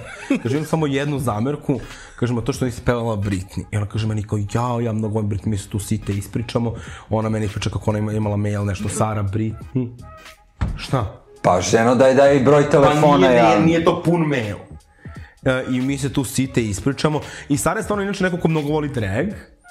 I, uh, I mislim da je nekako, meni super što je jedna takva mlada zvezda koju klinci toliko vole, budimo realni, ona nije imala o, o, u tom trenutku kao toliko safe karijeru da je mogla da podrži bilo šta. Ona imala sponzorske ugovore, ona imala puno stvari koje, od kojih je... Ne, ne govorim u negativnom smislu, nego govorim u smislu, pa, ali ne, to da, ali nije imala 20 godina karijere iza sebe pa da je boli dupe, nego imala sponzorske ugovore sa brendovima i tako dalje, tako dalje. Puno toga je rizikovala kada je odlučila da bude kuma Prajda i nekako taj moment mislim da je još više osnažio da ona, sa, i to je sama rekla, A ovo na koncertu što je rekla? i to što je rekla da, se neće udati, Da, ja moram samo da citiram. Kuma nije dugme i kuma obećava da neće staviti prsten dok svi ne, ne budu mogli. Idemo kuma! Apsolutno. I ja moram samo kažem, ona kad je, ona kad je bila proglašena za kumu 2019. Ja sam bio u fazonu kao pa malo random izbor, jer ona pre... Jer ona pre toga nije nešto bila uopšte vokalna što se toga tiče. Ok, imala je taj jedan nastup 2018. Ali ono, samim tim što ona pristala da bude kuma, je meni ono, ovaj, uh, ipak ono kao reklo nešto. Ove, I ono, sam taj trenutak kad je ona pristala da bude kuma i ono, ove, pokazala da je saveznica, o, od tada je ona, znači ono, vrlo javno, vrlo javno i vrlo glasno saveznica, tako da mi je mnogo drago što je I ja samo jedva čekam da tu. Sara izbaci svoj prvi album, pošto to je moment, molim? Kako prvi? Ona nije nijedan sad nikad izbacila album. Ona je samo singlove izbacila. singlove. Da. Ja toliko želim, zato što mislim da ona je jako dobra fonaka, jako dobra umetnica i naravno da sledeće godine bi Sarajevo morala da ide na Euroviziju. Ljudi, ja to Prosto- posmaram. Mislim se, zamislite ona osvoje Euroviziju Euro Pride. I ja mislim... Ja, ova ima ovu fantaziju, razumeš? Dobro, ove, znači dosta o fantazijama, ja, ja moram samo da kažem, ja jedva čekam njen album, zašto mislim da će to biti jako dobar album, Da. jer uh, ona u poslednje vreme, ovo što izbacuje, sve nekako ima veze jedno s drugim, ono baš mislim da ona kad izbaci album, baš će izbaciti ono kao ono kao Dobru celinu. dobru celinu i da neće biti kao nekakav mixtape, ono kao sa nekakvim ja generalno singlovima. preferiram albume, ne- ne- odnosno singlove što kod nas jeste jako teško. A vi shvatate da je ona praktično jedina, da ja znam, ono, ve, veća pevačica koja nikada, ali nikada nije otišla u folk ni iz fore. Znači, ni da je otpevala nečiju pesmu. I čak kad je pevala neke folk, pevala je u pop. Fazon, meni je to bilo zanimljivo, ja sam to shvatio random. A čekaj da se vratimo sad na tvoj trenutak, Gorane. E, veliki pozdrav za Bojana Vunturišević. Isto Jednu mega najdivnijih- saveznicu, mega lutkicu. Na, mega lutkicu, mega divnu osobu. Ja nemam reči da objasnim veličinu njenog srca. Ona je i ove godine bilo toliko divno da nastupa uh, sa nama i za nas.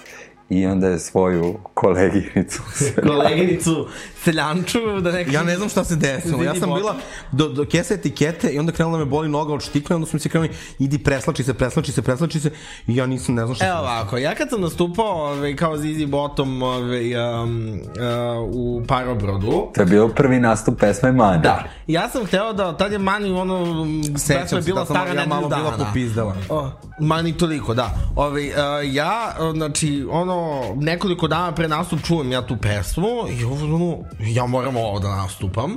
Ja se javim Bojani. Ove, uh, javim mi se na Instagramu i pitam je kao, e, ove, ja bih da nastupam uz Mani, ove, ono, da li bi mi ti dala matricu? I ona je bila oduševljena, ona je bilo naravno. Ona meni pošalje matricu, Ove, ja na, a, nastupam i to je bio prvi ove, a, to je bio prvi live nastup a, pesme Mani generalno. Ove, I tu sam, ove, um, Bojana nije došla na nastup, ali je pratila ove, uh, portal Zoomer, o, inače veliki pozdrav za Zoomer. Ove, portal Zoomer je radio stream da Bojana reaguje. Ove, I uh, Bojana reagovala, njoj sam da mnogo dopala. Ja sam napravio neku foru da kao učim publiku da izgovaraju mani, mani, pa onda publika mani, mani. I ona je bila u fazonu kao ja to ću da mu ukradem i sad na Prideu kad me je videla, ona me videla u publici kad je ono tokom prve pesme, videla jer sam ja odmah bio ispred onog kao, uh, ispred uh, one Inače piste. bi te bilo teško primetiti. Ove, ali ne, nisam bio ni sa strane, nego baš Ta harizma se prepoznaje iz je. petog reda. I ona me, ja, ja tačno vidim ono kao izraz lica koji je napravila ka, ka, kad me je videla, kad me je snimila u publici. I onda kad je pevala Mani, onda me je izvala na binu da ono kao učimo publiku zajedno. Inače, velika pohvala za tebe, za taj nastup. Ja, kad god su neke nove kraljice, idem da ih vidim. Uh, tad su nastupale vas, boga mi, dosta. U, I ja sam komentarisao moje favorite i zaboravio sam da komentarišem tebe zato što mislim da tebi nije bio prvi. I onda me neko pitao ja da... kao PR. I onda me neko prokomentari, pitao da tebe, pro- ja sam samo rekao professional, to se tako radi. Zato što poenta nastupa je samo da se publika primi. I to da nateraš publiku ponavlja pesmu, mi smo svi to ponavljali kao ludi i toliko smo se primili i to je bio najuspešniji nastup zato što se publika najviše engageovala i svaka čast Bojani što je to prepoznala i što te digla iz publike i što je digla pola ljudi iz publike. ja sam mislila da izdržati. ja sam htio da se obesim u backstage. Ja sam samo gledao kako svi padaju, kako nas tuže, kako ginete. Nema veze. Ali Bojane... o- Pa ne bi bio znači, prva, drugo- I stvarno ne je bi bio prva osoba koja je tužila Marka Mihajlovića. Ove, pa, valjda Krleušin tim, na, jel nas su najavili oni? Ne, Ma nemoj ja njih da tužim, ja sam zvao advokata pa su mi rekli nemoj, nemoj, to će da traje godine, mi imaju više para od tebe, pusti. Meni je super bilo 2019. na Prideu, kada sam ja nekim spletom dovoljno krala. nesretnih okolnosti uh, morala da hostujem Pride i onda ovaj, uh, uh, se, nećemo se posjetiti toga kako sam ja tada izgledala. I ovaj, neki lik mi je bio u fazonu kao ja baš je super šminka da čekam da vidim šta ćeš da obučeš. Ja kao to mi je outfit, ali dobro, to da nije bitno.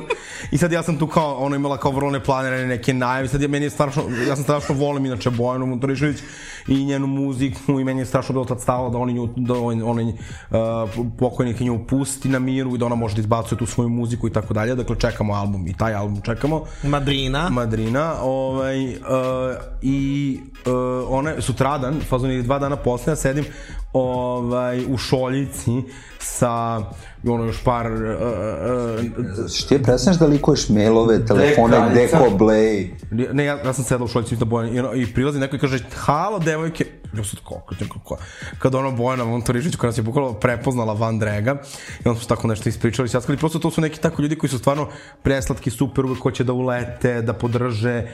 I kao, mislim da to je ono što je tuga i nesreća. Znači, ovi homofobi vamo, oni imaju samo Aleksandru Radović, ovaj, koja neće ni da im dođe da bude kuba tog njihovog šta god da je, te manifestacije, a mi imamo toliko, pogotovo žena, mada ja bih volao da vidimo i, i, i više muškaraca na Pride-u, sam eto imali smo džipsija, uh, ali dobro, ali nekog ono kao, već ono kao renomiran mainstream Da, i tako, tako dalje. je. Ono.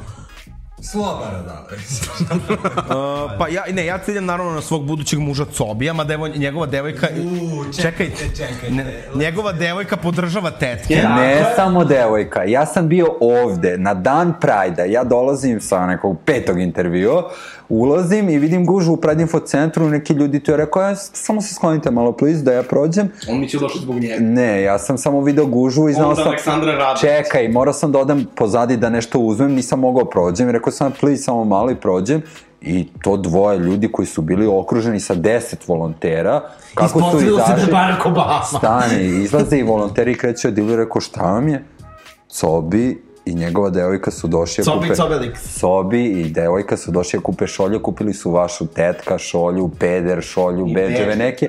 I veliki pozdrav za svih deset volontera kome, kojima nikome nije palo na pamet da ih slika. E, a sad moram da se setila sa jedne super situacije kad je Aleksandar Radović pre 10 godina tweetovala uh, kako paparaci neće da je ostave na miru ni kad se vraća sa odmora, a onda su oni objasnili da nisu bili to zbog nje, nego zbog Bojane koja više ne znam kako se sad prezva, tada je bila Stojković koja se razvodila od svog muža Vladimira Stojkovića. I kao, bukvalno kakva je ispala. Divno. Po, a, da se vratimo na Pride, pozdrav za Leu Davogić, koja je bila zadnji set, lepotica jedna. I, Ono, ja smo odigrali neki lesbijski ples. Jo, ja sam se mnogo bojao, ja, ja nisam ranije znao ko je Lea Davogić, Ove, o, dobro, ja malo živim ispod kamena, ali ove, uh, nisam imao pojma ko je, uh, ko je to i onda kad je, kad je bila najavljena kao neki renomirani DJ, I ovo u fazonu kao ti renomirani DJ-evi tu uvek puštaju neku... Narko Mastić. Ne, tu uvek, tu uvek puštaju neku tehnu smaračinu, znači ono kao sad ću ja da idem. Međutim, ona kad je krenula sad, krenula, hvala Bogu, ono pederska muzika. Give me more like a prayer, dakle sve pohvala i mogo bi Jovan Ilić nešto da nauči. e, čekaj, rekli smo sad sve osim Sajsi, Sajsi smo rekli. Sajsi i Tiara. Čekaj, nemojmo da propustimo nekog posla da... Ne, ne, Sajsi i Tiara i to je to. Da. I Joviđa Stani i... polako, DJ-evi, Anja the Batman, Milica X uh, i Jovijah. Joviđa i Ivan Bokor. I Ivan Bokor, on je radio na uh, zagrevanju pre Pride. I... I dolazimo do... Najslađe i definitivno najveće. A nismo još do tebe došli. Do, dolazimo do Bekvalice, smo to pre... Neću više ovo da trpim, ovo je Znači da moje. je još slađe, ali ne baš toliko. Ušli smo u 95. minut snimanja. Ovo je specijal iz dva dela. Naravno. Ne, ne iz dva dela, ali... E, ako može uh, Galeb da ima 4 sata, pa možemo mi valja E, dva. pa može. Vel... Nataša Bekvalac, znači, koliko su se potrudili, koliko je ono bilo divno. U jednom trenutku kad je pevala, ja ne znam koju pesmu, možda Nikotin ili Mala leđa, ne znam, e, su ljudi počeli da plaču oko mene u backstage-u. Sam pogledao i bi sam, okej. Okay. I onda sam ovako pogledao publiku, pa su i oni plakali, tako da bilo je svega, od divnih trenutaka. Kako vam je bilo? Ja sam sve gledao sa strane. A, pa ja sam, ja sam za Natašu i za Bojanu i za Savića Novicu izašla u publiku, jer, em, kažem, meni je bilo jako teško, jako stresno, pogotovo posle nastupa i tako dalje, ali sam izlazila, trudila se, me zanimalo za Saru, uh, ja to, meni je to bilo žao što nis- nisam mogla sve vreme da gledam iz publike, nego ja tamo krenem, onaj, uh, uh, onaj dim kreće da mi ulazi u glavu, saplićem se, uhvate mi se baloni za ogrtač, znači, samo što nisam izginuo, da tamo nisu bile neke žene da me pridržavaju, mislim da sam pala, morao bi se iz mološki zavod da reaguje. Ovaj, ali uh, morala sam da vidim, dakle, pošto, pošto ta Natašina kutija mi je skoro pouništila karijeru, ovaj, Barbie kutija, uh, jer su bili presnekli one uh, video volove, morala sam naravno to da vidim, jer bukvalno to je bilo toliko ikonik, znači ona je bila kao Pride Barbie i tada je izašla iz, iz toga i to je meni bilo pre, pre, pre, pre, pre, prelepo. Uh, da, uh, nikotin, naravno, mislim, kao, ne, ne, znači, sve, sve što je bilo, znači, plesači, e, sve je stvarno bilo vrhunski i stvarno nešto, š, mislim, mislim da je zadala domaći zadatak za, za sledeću godinu, ali ne samo ona, nego i Sara i Bojana, svi su nekako bili, Sajsi, svi su nekako bili u svom fazonu i svi imaju svoju publiku na Pride-u i mislim da je to fenomenalno. I interakcija sa ljudima. Da. Znači, svi su silazili u publiku, svi su se dodirivali, nije bilo ono kao da imamo ogradu, pa sad kao neko nastupa, mi gledamo sa 5 Ili metara na distance. obezbeđenje koje sklanja I samo da kažem da je taj deo bio deo bekvalac tima, da su oni insistirali da napravimo, ja, ja sam poludeo kad sam došao na probu taj dan u 12. park, kad sam video da su oni postavili tu pistu i da oni ne žele nikakve ograde. Ja sam bio ubeđen da će pijane tetke da se pentraju po onom stage-u, da će neko padne, da će skaču na bekvalac. Znači, ja nis, i oni su bili u fazonu, ne, nema ograde, ona hoće da bude sa ljudima, među ljudima, da je vide, da je pipnu, da Ne... ne... To je Nataša uradila i, i bila i 2016. Uh, ona je bukvalno bila sklonila, bez, spustila se sklonila obezbeđenje koje je bukvalno baš držalo ljude i sklonila obezbeđenje i ušla među ljudi. Kao, mislim da, da to negde jeste, Nataša jeste žena koja osjeća svoju publiku, koja vole svoju publiku, koja je tu kao iskreno i mislim sad koliko god to, to se vidi. Mislim, to možda sad stvarno zvuči kao neki kliše, ali uh, ljudi koji su to mogli da osete od nje, i ja eto kao jedna od tih ljudi, uh, stvarno mogu da kažu da kao Nataša je osoba koja voli svoj posao, koja voli svoju publiku, koja je bilo stalo i koja je bilo važno da bude tu gde je bila. Tako. I mislim da to, to, to i celom njenom timu i celoj njenoj porodici, znači ja se sećam, mislim, pošto ja stvarno pratim ovaj dinastiju Bekvalac, ovaj, um, i veliki pozdrav za Tanju, za Draganu, za Kristinu, ako ovo slušaju, mada verovatno slušaju, ali preneće im Kecman. Ovaj, uh, oni su uvek delili, znači to su bilo potpuno spontano, delile postove, ne odričam se ovo ono, znači uvek same od sebe, uh, da ne zaboravimo ikonik moment kad je bilo ona pucnjava u Orlandu i kad je neko, kad je Nataša objavila post o tome i kad je neko za serti podržava Bosnik jer ona pisala puši kurac. Tako je. Uh, Nataša uh, kao ona, znači, to njoj nije za scenu, to nije ne- nešto što to je nešto što njoj iskreno važno. I ne samo njoj, to se vidi kod, eh, kod svih tih žena, kod Bojane, kod, uh, kod Sare, kod, kod Sajsi i kao, i vidi se taj neki vibe koji postoji među njima i među prethodnim kumama Prajda, kada pričamo uh, Biljana, Mirjana Karanović, uh, Suzana Trnić, mislim, ja te žene, Uh, i- ja mislim da ko- ko- kogod da je smislio instituciju kume Prajda, čak i ako ga ne volim, znači zaslužuje naknadu poda. Mislim da je to zapravo najbolja stvar. A možda kažemo šta je poenta kume Prajda, da. Pa, mislim, Mislim, to već ljudi znaju. Pa dobro, ali ideja je bila originalno da pokažemo solidarnost sa ženama, zato što je važno da se ne izgubi taj trenutak uh, solidarnosti sa ženama, jer koliko god da je njih pola, a nas nije baš toliko kao LGBT u društvu, žene i dalje trpe veliku nejednakost. A sa druge strane su naše najveće saveznice. A sa druge strane su naše saveznice. Ja, kad sam, pošto su strani, e, moje najbolje drugarice je bilo devačko veče koje sam ja organizovao, to je ono iz Leskovca, i tu su bile sve, ovaj, e, deke, on čo meni su svi pitali za Natašu Bekvalac, su bili u fazonu, e, došli pričali su mi kako su videli mene u novinama i na televiziji i tako dalje, ali su svi bili kao u fazonu, kao, je, svi, prosto, kao Natašu Bekvalac, stvarno, ko ne voli Natašu Bekvalac, znate šta, može da služi da mu se od- oduzme državljanstvo. Slažem se. Ja ne znam šta tu ima da se ne voli. Ne, ne, ko ne voli Natašu Bekvalac, ne voli ni ljudi. A isto kad... Ko ne voli Natašu Bekvala staje protiv Srbije. E, tako. E, 2019. godine na njenom koncertu ja sam bio sa jedno 15 raspomamljenih tetki. ja pevao onog njevom E koncertu. pa da, ti si pevala žena. I ovaj, kad je krenuo ovaj deo Sveto ljubav, kad se tiglao na Rainbow zastava na celom stage-u, mi smo toliko krenuli da divljamo i ja mislim da su oni straight ljudi oko Pobesnile nas bili u šoku.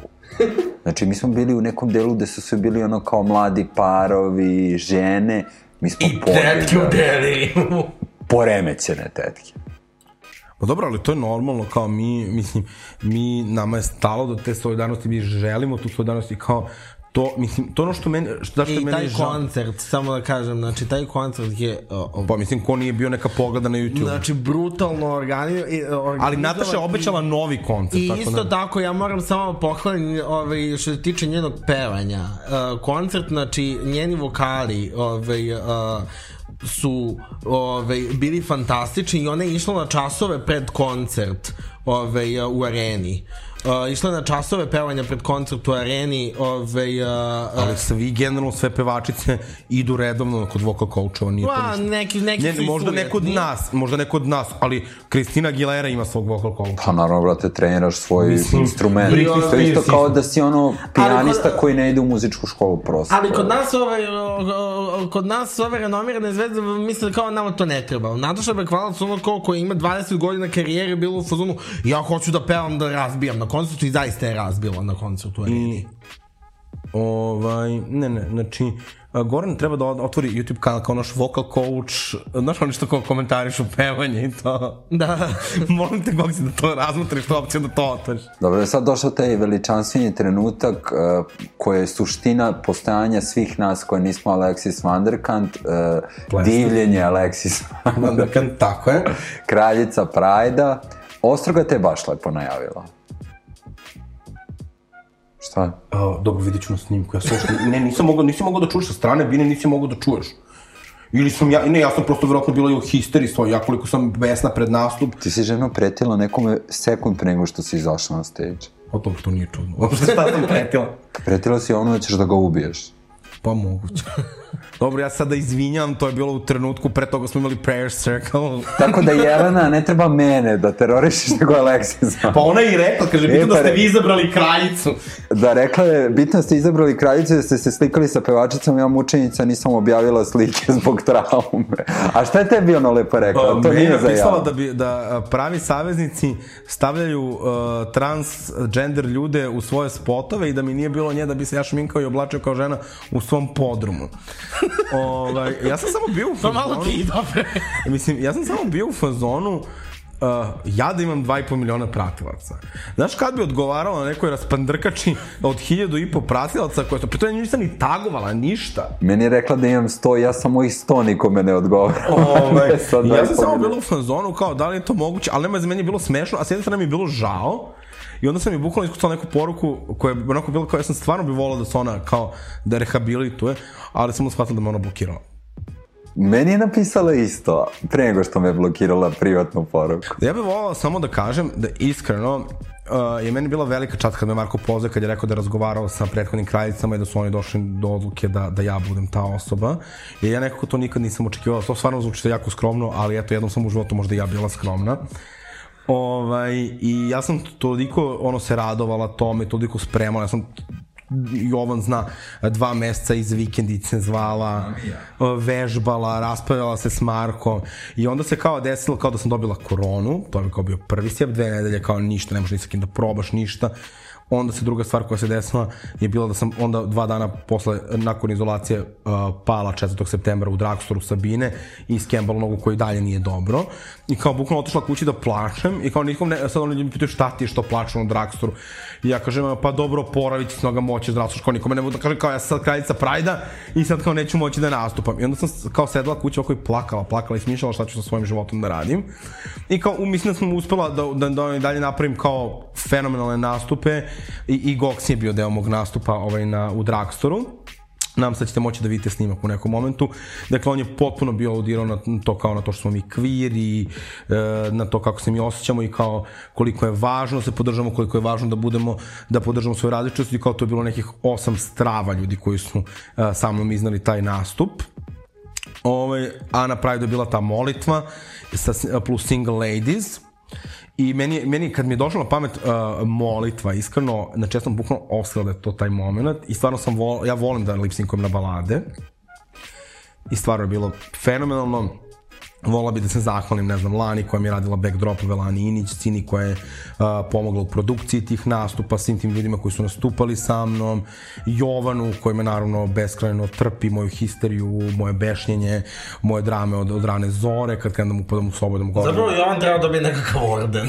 Ja mislim da njemu treba Ako sam ja kraljica, Jovan je kralj Prajda. Jovan je O. bukvalno... jedan- Ali Jovan i ja živimo prosto u tom našem lošem braku i nama je fenomenalno.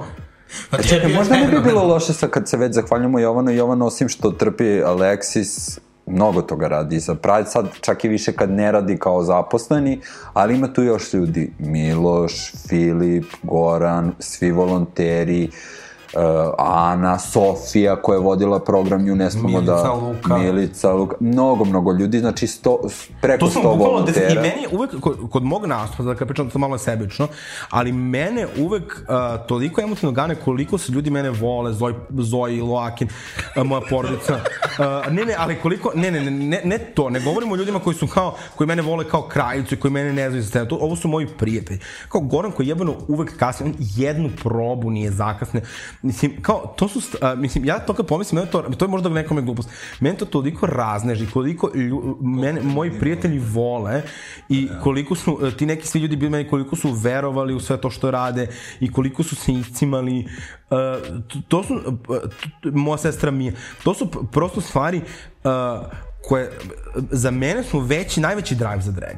Je, ima naravno tu ljudi koji su prišli, koji ja možda ne znam, koji me zagled, to isto mi je prepo kad im kažu da im, da im to sve znači i tako dalje i to me sve isto mnogo pokreće, ali koliko ja imam ljude koji sa mnom rade na mojem hobiju i na tim mojim snovima, na toj mojoj fantaziji je, uh, ja uvek kažem, bože, koliko mene ljudi vole i mislim da ne postoji veći drive na ovoj planeti od prijateljstva, od te ljubavi koje mi požemo drugima. Prema tebi. Ne, generalno, o toj ljubavi koju drag sa, sa, sa mojim koleginicama, kao što je Ostroga je jedna uh, osoba koju, koju bi ja zadavila koliko je neodgovorna. To je isto najnesujetnija i najnesebičnija kraljica u Beogradu, ja to mogu da vam potpišem. Ne postoji ni jedna druga ona i Riri Star. Znači, e, niko ko je toliko nesujetan, nesebičan, E nekompetivan. pa čekaj, i Lanavi.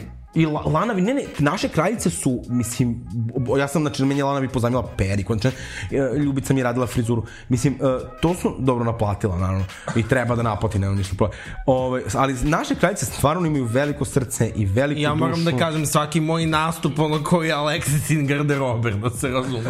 ovaj, I mislim, i, i, s, s, um, mi kvir ljudi se volimo se i sad nekad se kritikujemo i svađamo i to je sve u redu, to ljudi rade, mi smo velika zajednica, nismo mali. Nije mala, nije mala. Ovaj, Ja sam to u pouzu čuo mnogo lepo jednu definiciju kao možda mi imamo neke probleme, ali kad smo kao kad nas neko napada mi se držimo zajedno. E, to je bila poenta Bog This Is Mean performansa i uh, ja, da taj nastup su ljudi bukvalno plakali.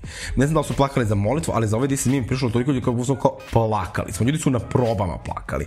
Znači, kao, i to je Mogu da potvrdim. Uh, to je bukvalno za mene je kao s- to nekako suština naske zajednice. Mi smo kao neke kvir umetnice, umetnici, kvir performeri svi treba da se podržavamo, svi treba da imaju priliku da imaju svoju fantaziju i da budu negde na bini, da, da šeruju svoju kreativnost sa drugim ljudima.